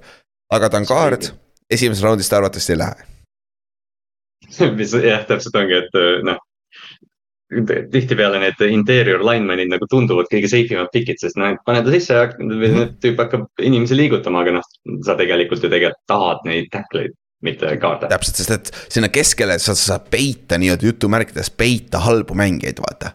kui on vaja, aga samas, kui sul on, kui sul on Zack Martin, sul on Quinton Nelson see on ka omaette advantage, vaata, et. Äh, see, see tackle, kes sa ja kes iganes tackle selle mängija kõrval on, ta näeb kohe parem välja, kui seal on Marshall Yanda või Quentin Nelson või kes iganes, eks ju. täpselt, et äh, aga noh, ma ei imestaks, kui ta sniigib sinna esimese raundi lõpupoole kuskile, sest me nägime eelmine aasta läks ju. Zion, kes see Zion oli, kes äh, Chargersisse läks? Johnson. Giant Johnson jah, kes tegelikult on struggle'is natuke rukina aga ka Kenyon Green oli teine, need kaks kaardi läksid esimeses raundis eelmine aasta, et me, me, ma ei oleks üldse üllatunud, kui Osiris Torrance läheb esimeses raundis, on ju. aga eks, eks me näe ta yeah. pigem seal teise raundi algus, sealkandis, ma eeldaks jah, ilmselt, ilmselt on see, et kui sa oled nagu scout, siis sa paned talle selle high second eh, hinnangu, mis noh, tähendab seda, et mingi tiim võib ta esimese raundi lõpus ära võtta. täpselt ja siis teine väga sarnane mängija on Steve Avila, Steve Avila jah, kes samamoodi idekas kaard, ehitatud nagu kaard, aga ta mängib nii sentrit kui ka right tackle'it kolledžis, mis tähendab, et ta võib ka NFL-is arvates mängida sentrit või kaardi, mis on väga hea omadus, sest sa põhimõtteliselt saad olla varumängija kolmele erinevale positsioonile, vaata et, et ja noh, pro comparison on ta ka Will Hernandez, kes oli kaard NFL-is on ju, aga ta on puhas teise raundi vend, et ta ei ole nii polished. et nagu mm -hmm. uh, Osiris Torrance on nagu, see vend on nagu, paned sisse ründeliini ja suure tõenäosusega ta on kohe difference maker seal. et. kas uh, Elton Jenkins oli omal ah,, Elton Jenkins oli ka teise raundi võik, et noh, kui, kui rääkida nendest mitmekülgsetest mm -hmm. ründeliini mängijatest, kes mängivad kõike, siis noh, Backersi Elton Jenkins on, on võib-olla hea inspiratsioon neile kõigile ja, et nagu Steve, Steve Avila on nagu selles suhtes päris hea comparison ka jah, Jenkinsile tegelikult. et samasuguse skill set'iga on ju. ja et äh, ja suure tõenäosusega tast ei saa kunagi mingit pro bowl mängijat, ega, ega, ega ka Elgon Jenkinsist ilmtingimata ei saa pro bowl mängijat, ei pruugi saada mitte kunagi tegelikult mm. -hmm aga ta on kuradi maha. aga raha, raha ta saab, kuna ta võib kõike mängida lihtsalt vaata. täpselt, ta on nii väärtuslik vaata selle koha pealt. et noh, need on kaks kaardi, kes suure tõenäosusega valitakse teise raundi alguses, võib-olla üks neist sniigib esimesse raundi sisse, on ju. kes, kes peaks olema kohe, suutma rookie aastal juba äh, aidata oma meeskonda, kes iganes neid draft'i juba, on ju siis äh, sentrite juures, samamoodi kaks nime, kelle tuleb silma peale hoida, kes võivad tulla esimese raundi lõppu. Giants kahekümne viiendana, väga selge meeskond, kellel on sentrit vaja, meil ei ole praegu sentrit meeskonnas. puhas sentrit meil ei ole meeskonnas, meil on seal Ben Bresson, meil on seal Lemieux on ju, kes potentsiaalselt võivad mängida sentrit, me võtsime Pittsburghist just ühe mingi vana venna, kes on sentrit mänginud. täpselt, ta on vana vend Pittsburghis, no nagu, nagu siin on vaja. Pittsburghi, Pittsburghi ründeliin on täpselt see, mida sa tahad neilt võtta ka. jah, täpselt, see on kõige parem osa Pittsburghi meeskonnast on tõesti ründeliin jah, on ju mhm et potentsiaalselt Giants on see meeskond, kes võib võtta esimeses raundis sentri äh, ja kaks, kaks võimalust on Joe Tippmann. reaalselt ma pikemat aega mõtlesin, et see on Tittman. nagu ma, ma ei saanud aru, et see on Tippmann kahe B-ga, mitte kahe D-ga on ju. siis ma mõtlesin, oo, nagu lahe nimi on ju, aga see on Joe Tippmann. ta on olnud puhas center kaks aastat, mis on väga hea, ta on center, nagu snap imine on ka üks osa, on ju ja ta on räigelt hea liikuv center, ta on räigelt hea puller ja teisele tasemele minekut. mingi scout kirjutas, et ta on, ta läheb teisele tasemele liiga kiiresti, sa ei näe kogu aeg, kuidas ta läheb sinna. ta liigub lihtsalt nii kuradi hästi teisele tasemele linebacker'it blokkima, on ju ja. ja, ja kui me võtame, kui me võtame tsentrid, kes liiguvad hästi, siis me tavaliselt mõtleme Jason Kelsey't, aga, aga. Creed Humphrey. Creed Humphrey on hea võrdlus sinna, Creed Humphrey on kuus kolm äkki või sinnakanti ja kuus, kaks, kuus, kolm ilmselt, et noh, me ei näe, me ei näe neid tsentreid tavaliselt nii suurelt, mis noh, ongi, et komp on umbes Ethan Pochich või, või keegi selline mängija, et noh, kes ei ole tingimata nagu nüüd hea tsenter. aga puhtalt see, et on kuus, kuus raam, ta snap ib palli, ta on tugev ja ta liigub hästi, siis noh, keegi teeb selle, keegi teeb selle valiku raudselt ära. ja tänu sellele, et ta liigub nii hästi, tegelikult osades meeskondades ta võib pigem kaard olla. puhtalt oma liikumise pärast, sul on tihtipeale üldjuhul kaardid pull ivad rohkem kui tsentrid üldjuhul, on erandeid, aga üldiselt rääkides, on ju. ja, aga kuus-kuus on probleem tegelikult, kui sa mängid seal sees. et sa oled nii kõrge raamiga ja tal on, tema kõige suurem probleem ongi, et ta üle, ta paganama õlad ja ta rind on alati vaba kaitseliinile, see on, mida mina teen kogu aeg. me rääkisime sellest Austraalia vennast, on ju. ma panin ta eile mingi kolm korda ninali perseli maha lihtsalt. ta on must kuuskümmend kilo raskem aga lihtsalt see, kuna mina olen nii palju madalamalt tulev, ma saan, kui ma saan oma käed talle sinna sisse. siis teda on väga lihtne liigutada, sest tal need ta, ta center of gravity nii palju kõrgem kui mul ju vaata, ma olen mingi kuus-üks pikk. no sa, sõnu, noh, sa lükkad ta ümber sõna otseses mõttes, noh, okei okay,, ta võitleb natuke vastu, aga, aga noh, kui sa saad selle hoo sinna alla. no natuke sipleb, aga küll ta läheb lõpuks tuttu meil seal, noh, mis ta ikka seal sipleb praegu. küll ta kukub, küll ta kukub. jah, küll ta kukub, on ju. ideaalne, ideaalne näide on lihtsalt see, mida Aaron Donald ründeliini mängijatele teeb, eks ju. Noh, täpselt ja vastupidi, Jason Kelsey. annab talle eelise Dexter, Dexter Lawrence oli eelmine aasta kõige parem nose tackle NFL-is, Jason Kelsey domineeris teda kolm korda aastas sest ta on nii palju lühem lihtsalt, pagan Dexter Lawrence. ta on madalam mees. jah, Kelsey on kõi-, või mis Kelsey, Dexter Lawrence on kõige suurem mängija põhimõtteliselt NFL-is.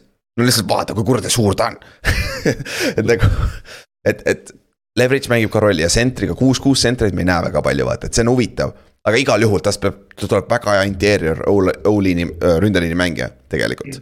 et ma arvan, et see on okei okay. ja siis teine vend on John Michael Schmitz, kes on väga hea tehnikaga, kõik mängu lugemised on kõik head, aga tal ei ole seda atleetlik, atleetlikkust, mis on Joe Tipmanil aga ta on kasvult, ta on nüüd kuus-kolm pikk, ta on nüüd rohkem traditsioonilisema sentri ehitusega ja tehniliselt kõik on hea.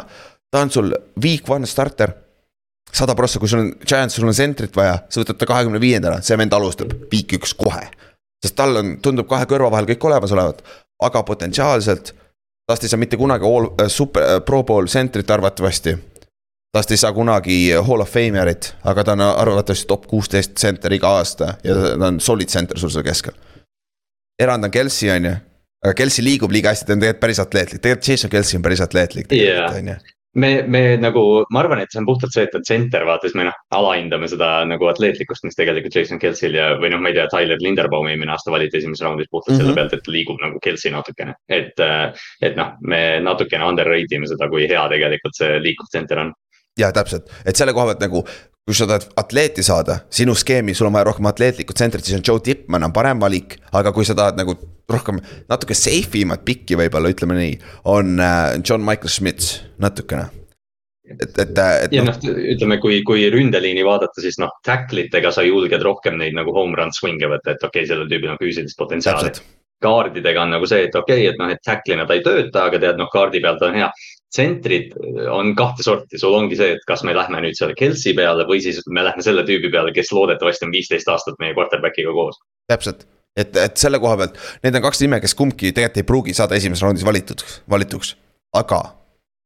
aga, aga seal Fredris äh,, Trevor, ei, Fredrik, kes see oli kauboisile Travis Frederick. jah, Travis Frederick oli, mäletad, kahekümne kaheksas pikk, me rääkisime ka, me käisime selle draft'i klassi läbi, vaata.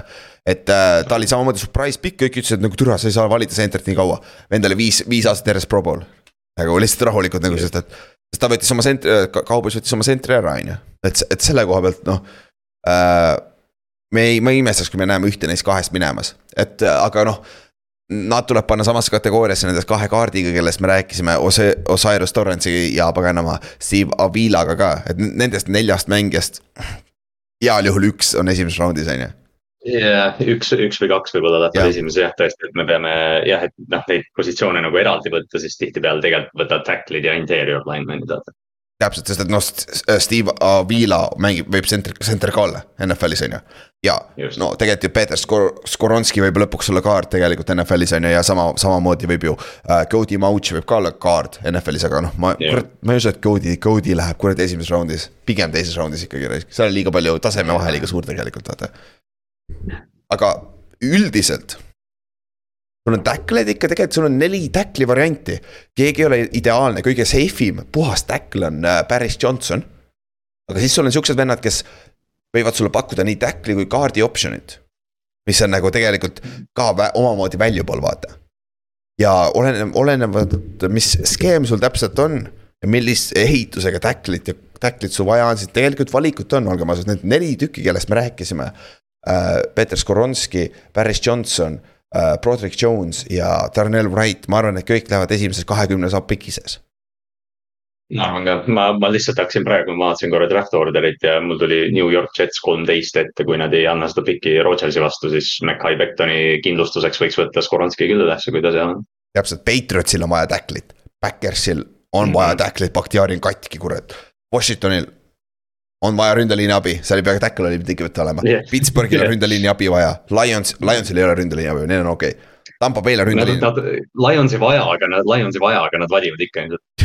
jah, miks mitte, on ju, Taylor Deckeril on asendust vaja küll, varsti ta hakkab vanaks jääma, on ju. Taylor Deckeril on mingi kolme aasta pärast asendust vaja, võtame aga nüüd, okei okay,, aga meil on siis kõik positsioonigrupid läbi käidud.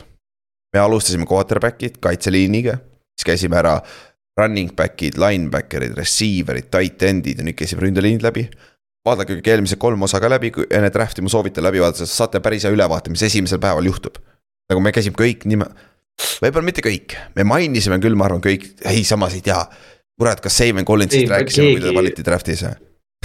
just täpselt jah, et, et noh, tõenäoliselt me võib, ei, kuigi noh, first round ma ei tea, kas me julgeme öelda, et me rääkisime kõikidest nimedest või? me võisime mainida, ma tean, et sellest Northwesterni D-Tacklist me ei rääkinud üldse palju, see, see hästi, hästi fucked up nimega. et äh, ta võib minna esimeses raundis, kui me mainisime ta korra ära. aga me ei rääkinud tast väga palju, et nagu siukseid mängijaid arvates tuleb, aga suurem osa mängijad. oleme rääkinud, et kui te tahate head ülevaadet saada, siis äh, võtke need äh, eelmised podcast'id ette ja teine asi on ka siin see, et meil ei ole need ei ole väga pikad, võta, võta timestamp'i alt, võta see õige, õige, õige välja, kuula kähku läbi, et see läheb päris kiiresti tegelikult.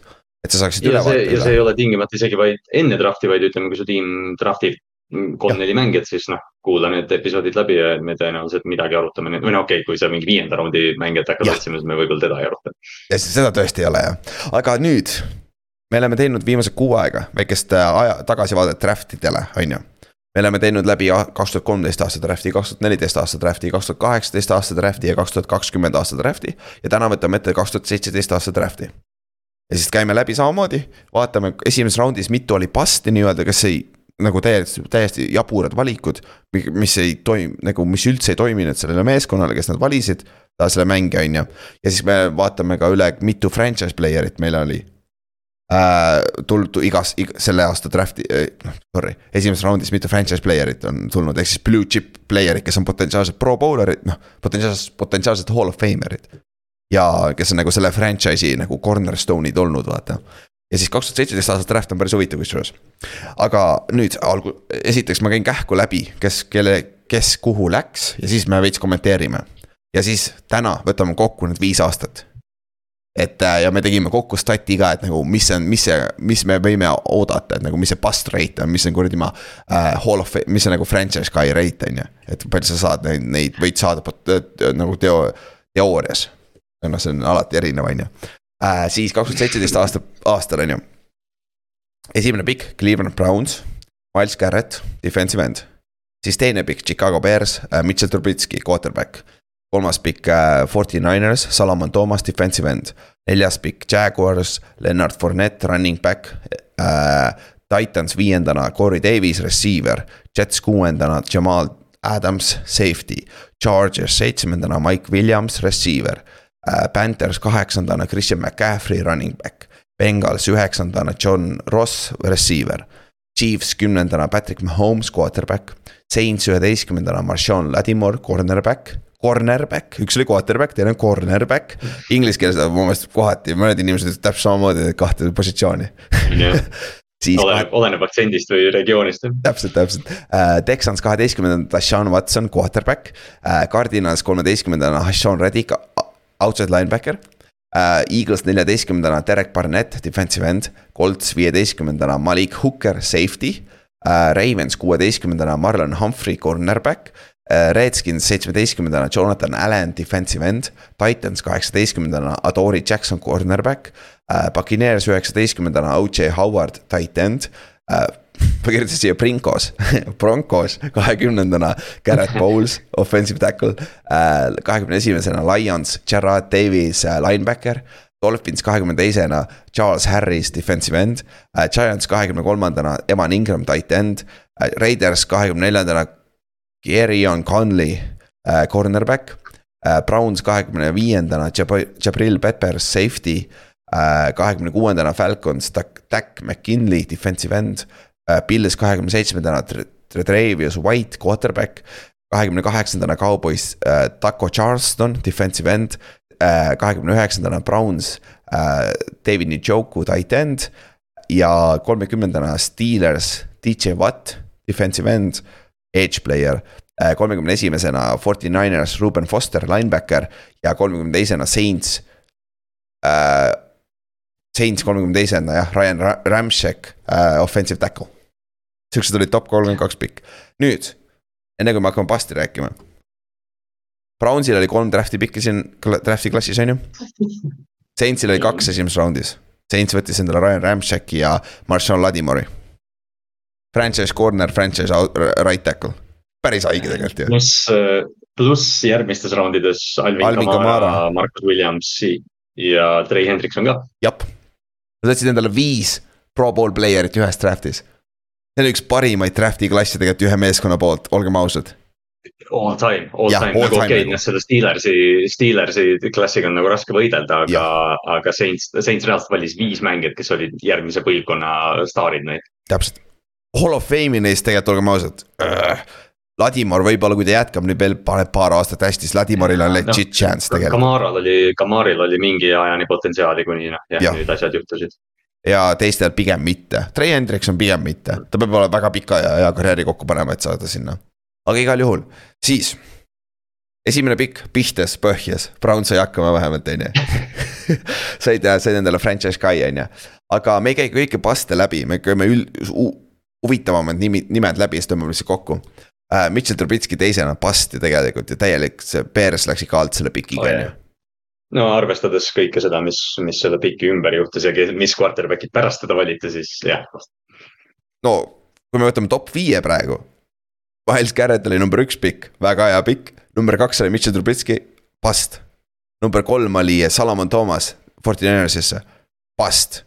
Nagu ta on okei okay mängija, ta on siiamaani NFL-is, ta on okei okay mängija, aga nagu kolmanda pikina. nagu sa pead olema pro bowl mängija vähemalt. ta ei oh,, jaa, et siin ongi, me loeme kuni kaheksanda pikini ja minu arust kõik need on suht, okei jah, Mike Williams võib-olla ei ole. jah, aga noh, sul on Leonard Fournette running back Jacksonville'i jaoks, neljandana võtta running üle Christian McCaffrey ja see on past nagu ja, ja naljakas on see, et see kõlab praegu nagu halvasti, aga selles hetkes Fournette oli noh, nagu absoluutselt ja järgmine või see Jamal Adams samamoodi, et noh, safety läks top kuus ja selles, sellel ajajärgul oligi see, et jah, Fournette ja Jamal Adams ongi top kuus mängijad no.. samas meeskonnas ka LSU-st, täpselt, aga mõlemad, Jamal Adams on pro bowler olnud, ta on okei okay mängija olnud, Jets sai ta eest, Jets sai ta eest tagasi rohkem, kui nad maksid Jamal Adamsi eest tegelikult vaata. et, et se- selle koha pealt, Jetsi koha pealt tegelikult oli o- jumala okei okay pikk on ju, aga noh, ja viiendana oli Corey Davis, kes oli Western Michiganist, esimene receiver Western Michiganist. Nagu Titans ei saanud tast mitte midagi, ta oli okei okay, number kaks receiver AJ Browni kõrval, aga nad lasid ta kohe minna, kui vaba agent oli ta ju. nüüd ta on Jetsis enam-vähem oli vahepeal, kui ta terve on olnud, siis ta on enam-vähem olnud, on ju. ja siis äh, Mike Williams, seitsmendana. see on huvitav nimi tegelikult ju. no neid teisi, teisi receiver eid arvestades, siis naljakal kombel Mike Williams on kõige parem receiver first round'is selles draft'is. Äh, jah, sul on seal Corey Davis, sul on John Ross. Ja kõike rohkem polegi vist või esimeses raundis. vist ei ole. aga siis teises raundis tuleb pärast tuli, Juju tuli seal lõpus, Cooper Cup tuli. Cooper Cup tuli ja Chris. Godwin. ups. siis, aga jah, see nagu, nagu Mike Williams on okei okay mängija, tal üks hea aasta, aga ta on vigane olnud, ta on kogu aeg sama probleem olnud, ta on vigane. et see sellepärast ta nagu hoiab tagasi, on ju, aga noh, number kü- kümme pikk, Chiefs treidis ülesse ka veel, et see pikk saada endale. oli Patrick Mahomes. Vist oli päris hea pikk, vist oli päris hea pikk, jah, arvestades, et nad, nad tulid vist kahekümne seitsmenda piki pealt või kuskilt ju täiesti tagant.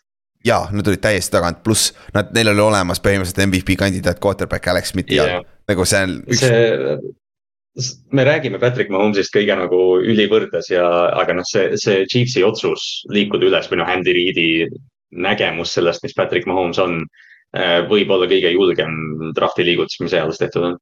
jaa, tegelikult küll ja see, see muutis terve paganama meeskonna, see muutis peatreeneri, see muutis kõikide nende aja, ajalugu põhimõtteliselt.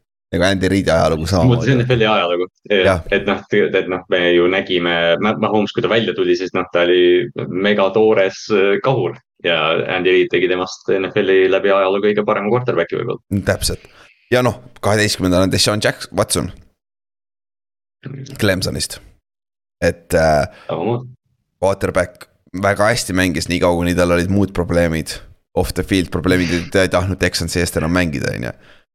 et, et see selle koha aga noh, pealt, need esimesed aastad, esimesed aastad, mis ta, mis ta pakkus ja see üks aasta, vaat või noh, see viimane nagu full aasta, mis ta tegi, ta oli ju top viis quarterback NFL-is kindlasti. jaa, oligi, et nagu selles suhtes väga õige pikk ka vaata. kolmteist, kolmteist, neliteist on huvitavad, Ashore Reddick oli kolmeteistkümnes pikk Cardinalsis, täis past, täiesti past oli tegelikult Cardinalsil. See üks mäng oli hea, Giantsi vastu, viis säkki sai vist, palju ta sai seal ühes mängus ja äh,. aga muidu on tegelikult oli past. aga siis ja nüüd ta läks hoopis Eaglesisse. ja siis Eagles ei saanud teda draft'is, sest ta Eagles draft'is nel- neljateistkümnendana kohe Derek Barnetti ta järgi, kes oli. no võib-olla enam-vähem mängija no Barnetti career highlight on see Zack Fumble Tom Brady või õigemini recovery. Tom Brady see superbowli viimane play, vaata. jah, põhimõtteliselt. aga noh, jah, Barnett, Barnett tuli, ma mäletan sel aastal nagu noh, parima pass rusher'i haibiga välja, sest ta oli TNS-is, ma mäletan noh, kõik high character mm, -hmm. kõik asjad. aga noh, lihtsalt ei, ei ole see mäng olnud siiamaani, aga Eaglesil on nüüd mõlemad koos, Derek Barnett ja Ashore Reddick on mõlemad Eaglesis ja nüüd tänu sellele, et Ashore Reddick, mis ta on teinud viimase kahe aastaga, ta ei ole enam bast tegelikult. Cardinalsi jaoks on ta tegelikult küll bast jah, aga, aga nagu mängijana, kurat, ta on päris hea, päris hea vend ikka tegelikult talle ja vaat me, me naerame seda Arizona linebacker'ite armastust, aga see algas juba Hassan Redikuga aastal kaks tuhat seitseteist tegelikult. tegelikult küll jah, selle koha pealt, aga noh, siis kuueteistkümnendal te võtsite Marlon Humphrey endale, cornerback'i on ju väga hea pikk, on ju. et nagu franchise cornerback ka põhimõtteliselt, siis see oli aasta, kus sul oli kolm tight end'i esimeses raundis, sul oli O.J. Howard, Evan Ingram, David Njoku. Howard üllatavalt past, nagu üllatavalt ma olin väga pahane, kui Ravens võttis Marlon Humphrey üle O.J. Howardi ja ma olin väga vale. ma olin väga pahane, et äh, O.J. Howard ei kukkunud Giantsini. me pidime Evan Ingrami no täpselt, O.J. Howard oli nagu see, et noh, et kui sa oled sihuke football'i vend, siis sa tahad O.J. Howardit ja noh, kõik. ta oli national championship'i MVP ju. nagu ta oli. ta oli nagu, noh, ta oli umbes ta oli nagu natukene halvem atleet kui Kyle Pitts ja natuke halvem blokkija kui Rob Gronkowski oli umbes see, mis arvas, mis me arvasime, et ta tuleb. täpselt ja ta ei ole suutnud olla, kuradi, ma ta on mingi kolmandas meeskonnas või neljandas meeskonnas oma karjääri jooksul juba mm. -hmm. et nagu see oli üllatavalt, Evan Ingram, Giantsi fännid ütleks, et ta on past nagu suure B-tähega aga, aga tegelikult jumala soli-, soliidse karjääri on kokku pannud tegelikult ja eelmine aasta mängis oma mm. aasta, elu kõige parema hooaja põhimõtteliselt, et tegelikult täitsa okei okay mängija olnud, on ju. ja David Njoku, okei okay mängija, aga seda production'it, mis me lootsime tast, ei ole tulnud tegelikult, vaata.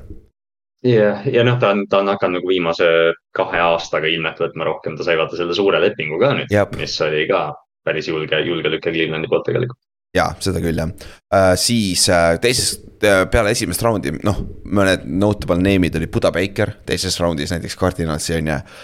Dalvin Cook oli siin draft'is Vikingsis teises raundis on ju, siis Markus Williams läks Saintsi, nagu sa ütlesid ka enne juba, nüüd ta on praegu juba Ravensis safety on ju. siis on Joe Mikson läks Bengalsisse jooks ja Steelers võttis Juju, receiver on ju, Pils võttis äh, Dion Dawkinsi oma ründeliini ühe staple'i. Left tackle pole või, on ju, ta on left tackle ju oli küll jah. jah, siin, siin ta oli kaardina kirjas, sellepärast ma praegu hakkasingi kahtlema äh,. Alvin Kamara läks Saintsi kolmandas raundis, kolmandas raundis sai Alvin Kamara, pole paha, on ju äh,. Cooper Cup, Chris Kadvin oli kolmandas raundis, what the fuck nagu. täitsa sõge nagu. sul on Juju. ma mäletan see, ma mäletan seda aastat veel sellepärast ka, et Steve Smith ennustas Cooper Cupi nagu väga varakult, et minu arust Steve Smith ütles nagu enne drafti nädalaid juba, et Cooper Cup on kõige parem receiver ja Chris Godwin tuli nagu sellise potentsiaaliga, et inimesed rääkisid temast nagu, et aa, et tema on next up ja siis nad mõlemad läksid kolmandas raundis mingil põhjusel. no Cooper Cup oli vale nahavärviga ja vales ründes, vales koolis Tõsi. vaata et nagu tüüp. ja, ja John ja John Ross oli ühe raja peal, teenis miljoneid neljakümne jardiga. täpselt, John Ross võitis, tegi siis äh, Chris Johnsoni selle neljakümne jardi rekord, kiir- äh,, selle aja rekordi üle, vaata. Äh, et see jah, see tõi talle miljoneid, see tõi talle sõna otseses mõttes miljoneid, on ju siis seal noh, tee, tee siis kolmandas raundis läks veel Karim Hunt näiteks, Shaquille Griffin on ju, Kenny Galladay läks veel. Trey Hendrikson läks Saintsi on ju, Steelers sai endale John Connori on ju. ja noh, sealt edasi Eddie, Eddie Jackson, George Kittle oli viienda raundi pikk näiteks Forty Ninersisse vaata. Matt Milano oli viienda raundi pikk Pillsi, Aaron Jones oli viienda raundi pikk Backersisse ja siis sul on veel Patrick Ricard oli undrafted free agent Taylor Ravensisse on ju. ja Kenny Moore oli Patriotsi undrafted free agent, kes on nüüd superstaar paganama Coltsis. ma, ma ei olnud üldse teadlik, et ta oli Patriots, ma lugesin seda listi, kokku panin, ma vaatasin ka, et. et noh, Kenny Moore on nagu täiuslik Patriot tegelikult. ja kuidas nad ära lasid tal minna sealt nagu, mul on ka hea küsimus nagu. aga nüüd terve selle, lähme esimese raundi juurde kokku, tagasi. me saime kokku siia kaksteist pasti ja me rääkisime, sest äh, top kümme oli päris keeruline või noh, päris halb tegelikult, aga siin keskel tuli räigelt head pikid, sul on järjest Christian McCaffrey, franchise guy, John Ross on bust on ju, siis tuleb Patrick Mahomes, franchise guy, Marshall Ladimore, franchise guy, Deshaun Jackson. Deshaun Watson, sorry, franchise guy, siis sul tuleb Ashore Reddick, kes on pro bowler, vaata. nagu päris head pikid järjest, on ju. et, et, et selle, selle koha pealt see. oo oh jaa, ja ja noh, selles mõttes Colts võttis viieteistkümnendal Malik Hookeri, keda peeti umbes noh, parim alates Ed Reedist ja Earl Thomasest, tema on vigastuste tõttu vigastuste tõttu jah. jäänud, ja siis tuli Marlon Humphrey, Jonathan Allan tulid mõlemad on paganama super, super head mängida, on ju, no Tori Jackson, tegelikult oli okei okay mängija Titansis. et nagu, aga, aga noh, see on ka kõik, on ju, aga tänu ja, ja siis kokku me saimegi üheksa franchise player'it ja kaks, kaksteist pasti. terve draft'i peale kolmekümne kahe piki sisse, aga nüüd. Paneme selle võrdlusesse kõigi nelja, nelja eelneva aastaga, mis me oleme läbi käinud. siis äh, me käisime läbi kolmteist, neliteist seitseteist, kaheksateist ja kakskümmend aasta draft'i klassid. ja selgelt pika puuga kõige arve, halvem draft'i klass oli kaks tuhat kolmteist esimene, esimene round. et seal neliteist pasti oli ja sul oli ainult neli franchise player'it tuli sealt esimesest round'ist, ainult neli. saad sa aru või, kolmekümne kahest ainult neli tükki on siuksed, kes olid nagu mingi franchise'i cornerstone'id, vaata. Noh, see, ma ei mäleta, kes need, kes need seal meil olid, et see Lane Johnson. ja Hopkins. Kyle Long yeah. Hopkins ja siis äh, Travis Frederick ja noh, selles mõttes noh, nad on ka nagu, et noh. Long on juba läinud ammu NFL-ist, Travis Frederick on yeah. NFL-ist läinud teistel põhjustel. aga jah, mängijatena nad olid väga head, on ju. mitte halbadel põhjustel, lihtsalt nagu tervislikel põhjustel, mõlemad läksid ära, on ju. aga potentsiaalselt sa võid teha argumendi ainult kaks tükki oli ju jah, täpselt ongi, et, et noh, et ja noh, Hopkins on ka lahkunud juba Houstonist, et kas ta, noh okei okay,, ta oli hea mängija, aga noh, nad ei suutnud kunagi seda süsteemi talle ümber panna, et see kaks tuhat kolmteist draft on ajalooliselt halb. täpselt ja, aga noh, siis sealt edasi muidu nagu neliteist meil oli, kaks tuhat neliteist meil oli üheksa pasti, see on kõige madalam number siit. ja kaheksa franchise ka, mis on nagu kõige parem võrdlus üldse, kaks tuhat neliteist aastast draft on ka tegelikult väga-väga hea, vaata. seal on Aaron Donald, OBJ, Mike Evansid, siuksed vennad on seal, vaata siis kaks tuhat seitseteist, just rääkisime, kaksteist pasti oli üheksa franchise guide, mis on kõige suurem number tegelikult. Äh, kaheksateist meie, meie sellest väiksest sample size'ist on ju. kaks tuhat kaheksateist aastal draft'is oli meil üksteist past äh, player'it ja üheksa franchise guide on ju, mis on päris vähe samamoodi. ja kaks tuhat kakskümmend, noh, aga kaks tuhat kakskümmend samamoodi äh,. meil oli kümme pasti ja kaheksa franchise guide, aga samas need kaks aastat on. Need ei ole väga palju mm -hmm noh, see üks saab viis aastat ja teised, teised mängijad on kolm aastat mänginud alles, vaata. et see nagu natukene yeah. sihuke küsimärk ka tegelikult veel, on ju noh, palju, palju lihtsam oli Paste franchise'i määrata kaks tuhat kolmteist ja kaks tuhat neliteist aasta draftis võrreldes kaks tuhat kakskümmend aasta draftiga. jah, aga kui me võtame need kõik viis aastat kokku, siis.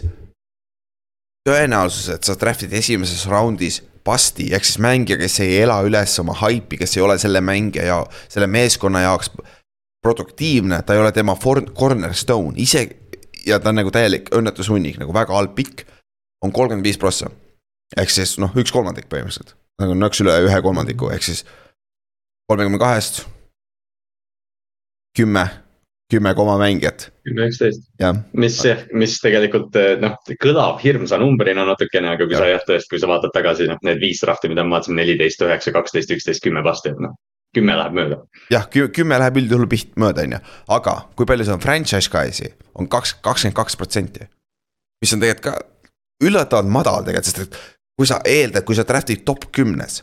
Need peaks kõik olema blue chip mängijad, kes mängivad sul yeah. paganama seal meeskonnas vähemalt teise contract'ina. nii, vähemalt teise contract'ini. aga me ei ole mitte ühelgi korral kümme venda saanud, kõige parem oli kaks tuhat seitseteist aasta, üheksa venda ja seal top kümnes me käisime top kümne läbi, täis shit show. Ja täpselt, et, et noh, see, see draft, noh, see lihtsalt kinnitab seda, mida me räägime, et noh, see draft on nii ebatäpne teadus, et me võime vaadata neid tüüpe. iga aasta on mingi Will Anderson põhimõtteliselt või mingi Jalen Carter, kes me oleme täiesti veendunud, et on, et ta tuleb ja hakkab kohe tegema ja lihtsalt selle karjäärist ei, ei tule midagi välja niimoodi. ja, ja samamoodi. See aasta need quarterback'id, need neli quarterback'i, nendest kolm on suure tõenäosusega bust'id, üks neist on, võib olla hea quarterback. nagu starter, solid starter, on ju.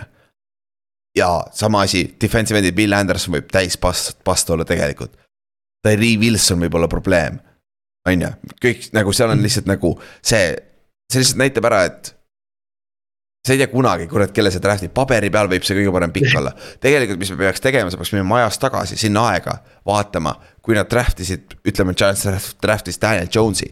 kuidas teised, teised inimesed samal ajal seda pikki hindasid tegelikult, sest kui kõik yeah., kõik ütlesid sellel ajal, et see on super hea pikk. see on number, see on kuradi ma A, A-kreidis, et see on plu, viis pluss hinne pandi sellele pikile.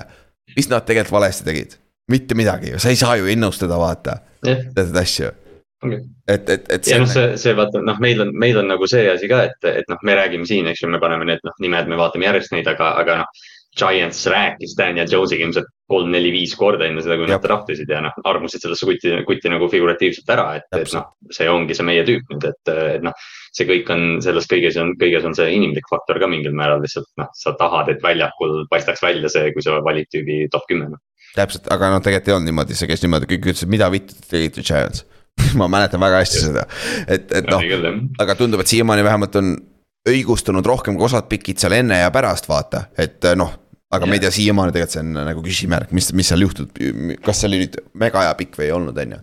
aga noh, miks me tegime, nagu me rääkisime, miks me tegime selle väikse harjutuse ära, selle väikese sample size'iga. lihtsalt teid ette valmistada selleks, et mis neljapäeval juhtub et see ei ole nagu see, mida kõik spetsialistid, jutumärkides spetsialistid, meie kaasa arvatud, ütleme, et see vend on kindel Jah. can't miss prospect.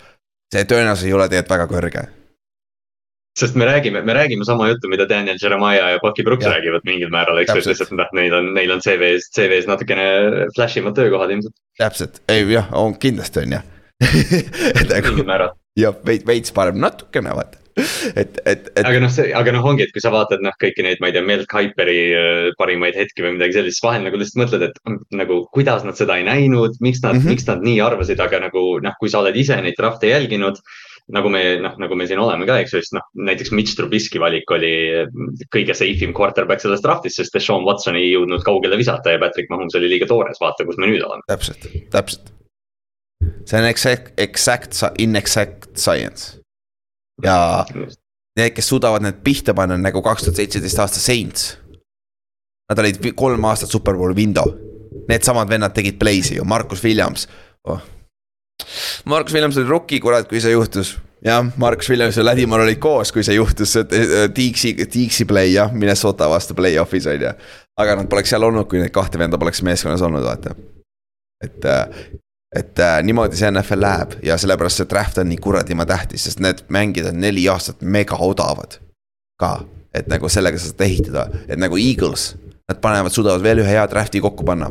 sa ei maksa Hertzile väga palju see järgmised aastad. see on sinu superbowl window praegu, sa pead minema all in vaata, et sellepärast me võimegi näha Eagles number kümme pikina. esimeses raundis ja siis neil on ka esimese raundi lõpus üks pikk, on ju siis äh, need on väga tähtsad pikid. kui nad need hitivad, nad võivad väga lihtsalt siin superbowliga järgmise mitu aastat välja tulla lausa tege- tegelikult. ja, ja noh, see, seal ongi nagu vaja seda, et ütleme, Eaglesi olukord on nagu lihtsalt eriline, kuna neil on hea tiim juba mm. -hmm. aga kui sa selle pikk kümnega saad, ma ei tea, võtad selle riski Nolan Smithi peal ja siis see tüüp on rookina üheksa säkki, siis noh, selgelt sa oled superbowli meeskond, sest kui Nolan Smith saab üheksa säkki, siis keegi teine saab viisteist, Hassan Reddick ilmselt. jah, ja siis järgmine äh, episood teeme mock draft'i, siis näete ära, mis meie arvame, kuidas see läheb, on ju. ja, ja see saab olema päris huvitav. ma, ei kindlasti saab huvitav olema, see on alati huvitav, see on tegelikult huvitav asi, mida teha. et kui te, kui te tahate ise ka neid teha, siis minge need mock draft simulator'id on igal pool olemas. et gu- guugeldage lihtsalt saate ise ka teha neid samu asju, mis me teeme siis järgmise nädala alguses. aga praeguseks kõik siis, meil on läbi draft'i preview'd, neli episoodi. minge tagasi, vaadake, kuulake järgi, kui te ei ole veel kuulanud neid. ja siis saate päris hea ülevaate peaks saama, mis juhtub äh, neljapäeval, järgmisel neljapäeval. see on siis kahekümne seitsmes äh, aprill. ja äkki, äkki te olete, saad, saate kaasa rääkida meiega koos.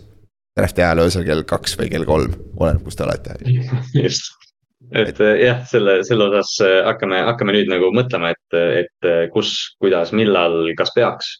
Mis on küsimus, mida tihtipeale ei küsita, aga, aga jah, me noh, see lihtsalt see draft'i aeg on nii maagiline mingil põhjusel, see on kõige optimistlikum aeg aastas, see on kõige spekulatiivsem, kõige teada unistused möllavad, kes kõik liiguvad, kuhu liiguvad, et. et noh, draft on põhjusega eh, püha NFL-i fännidel. täpselt ja siis peale seda läheb igavaks alles. Nii et naudime seda viimast aega, on ju, enne hooaega, enne sügist huvitavaks väga ei lähe enam, on ju. aga davai, näeme siis esmaspäeval, esmaspäeval, teisipäeval, millal iganes see välja tuleb ja siis.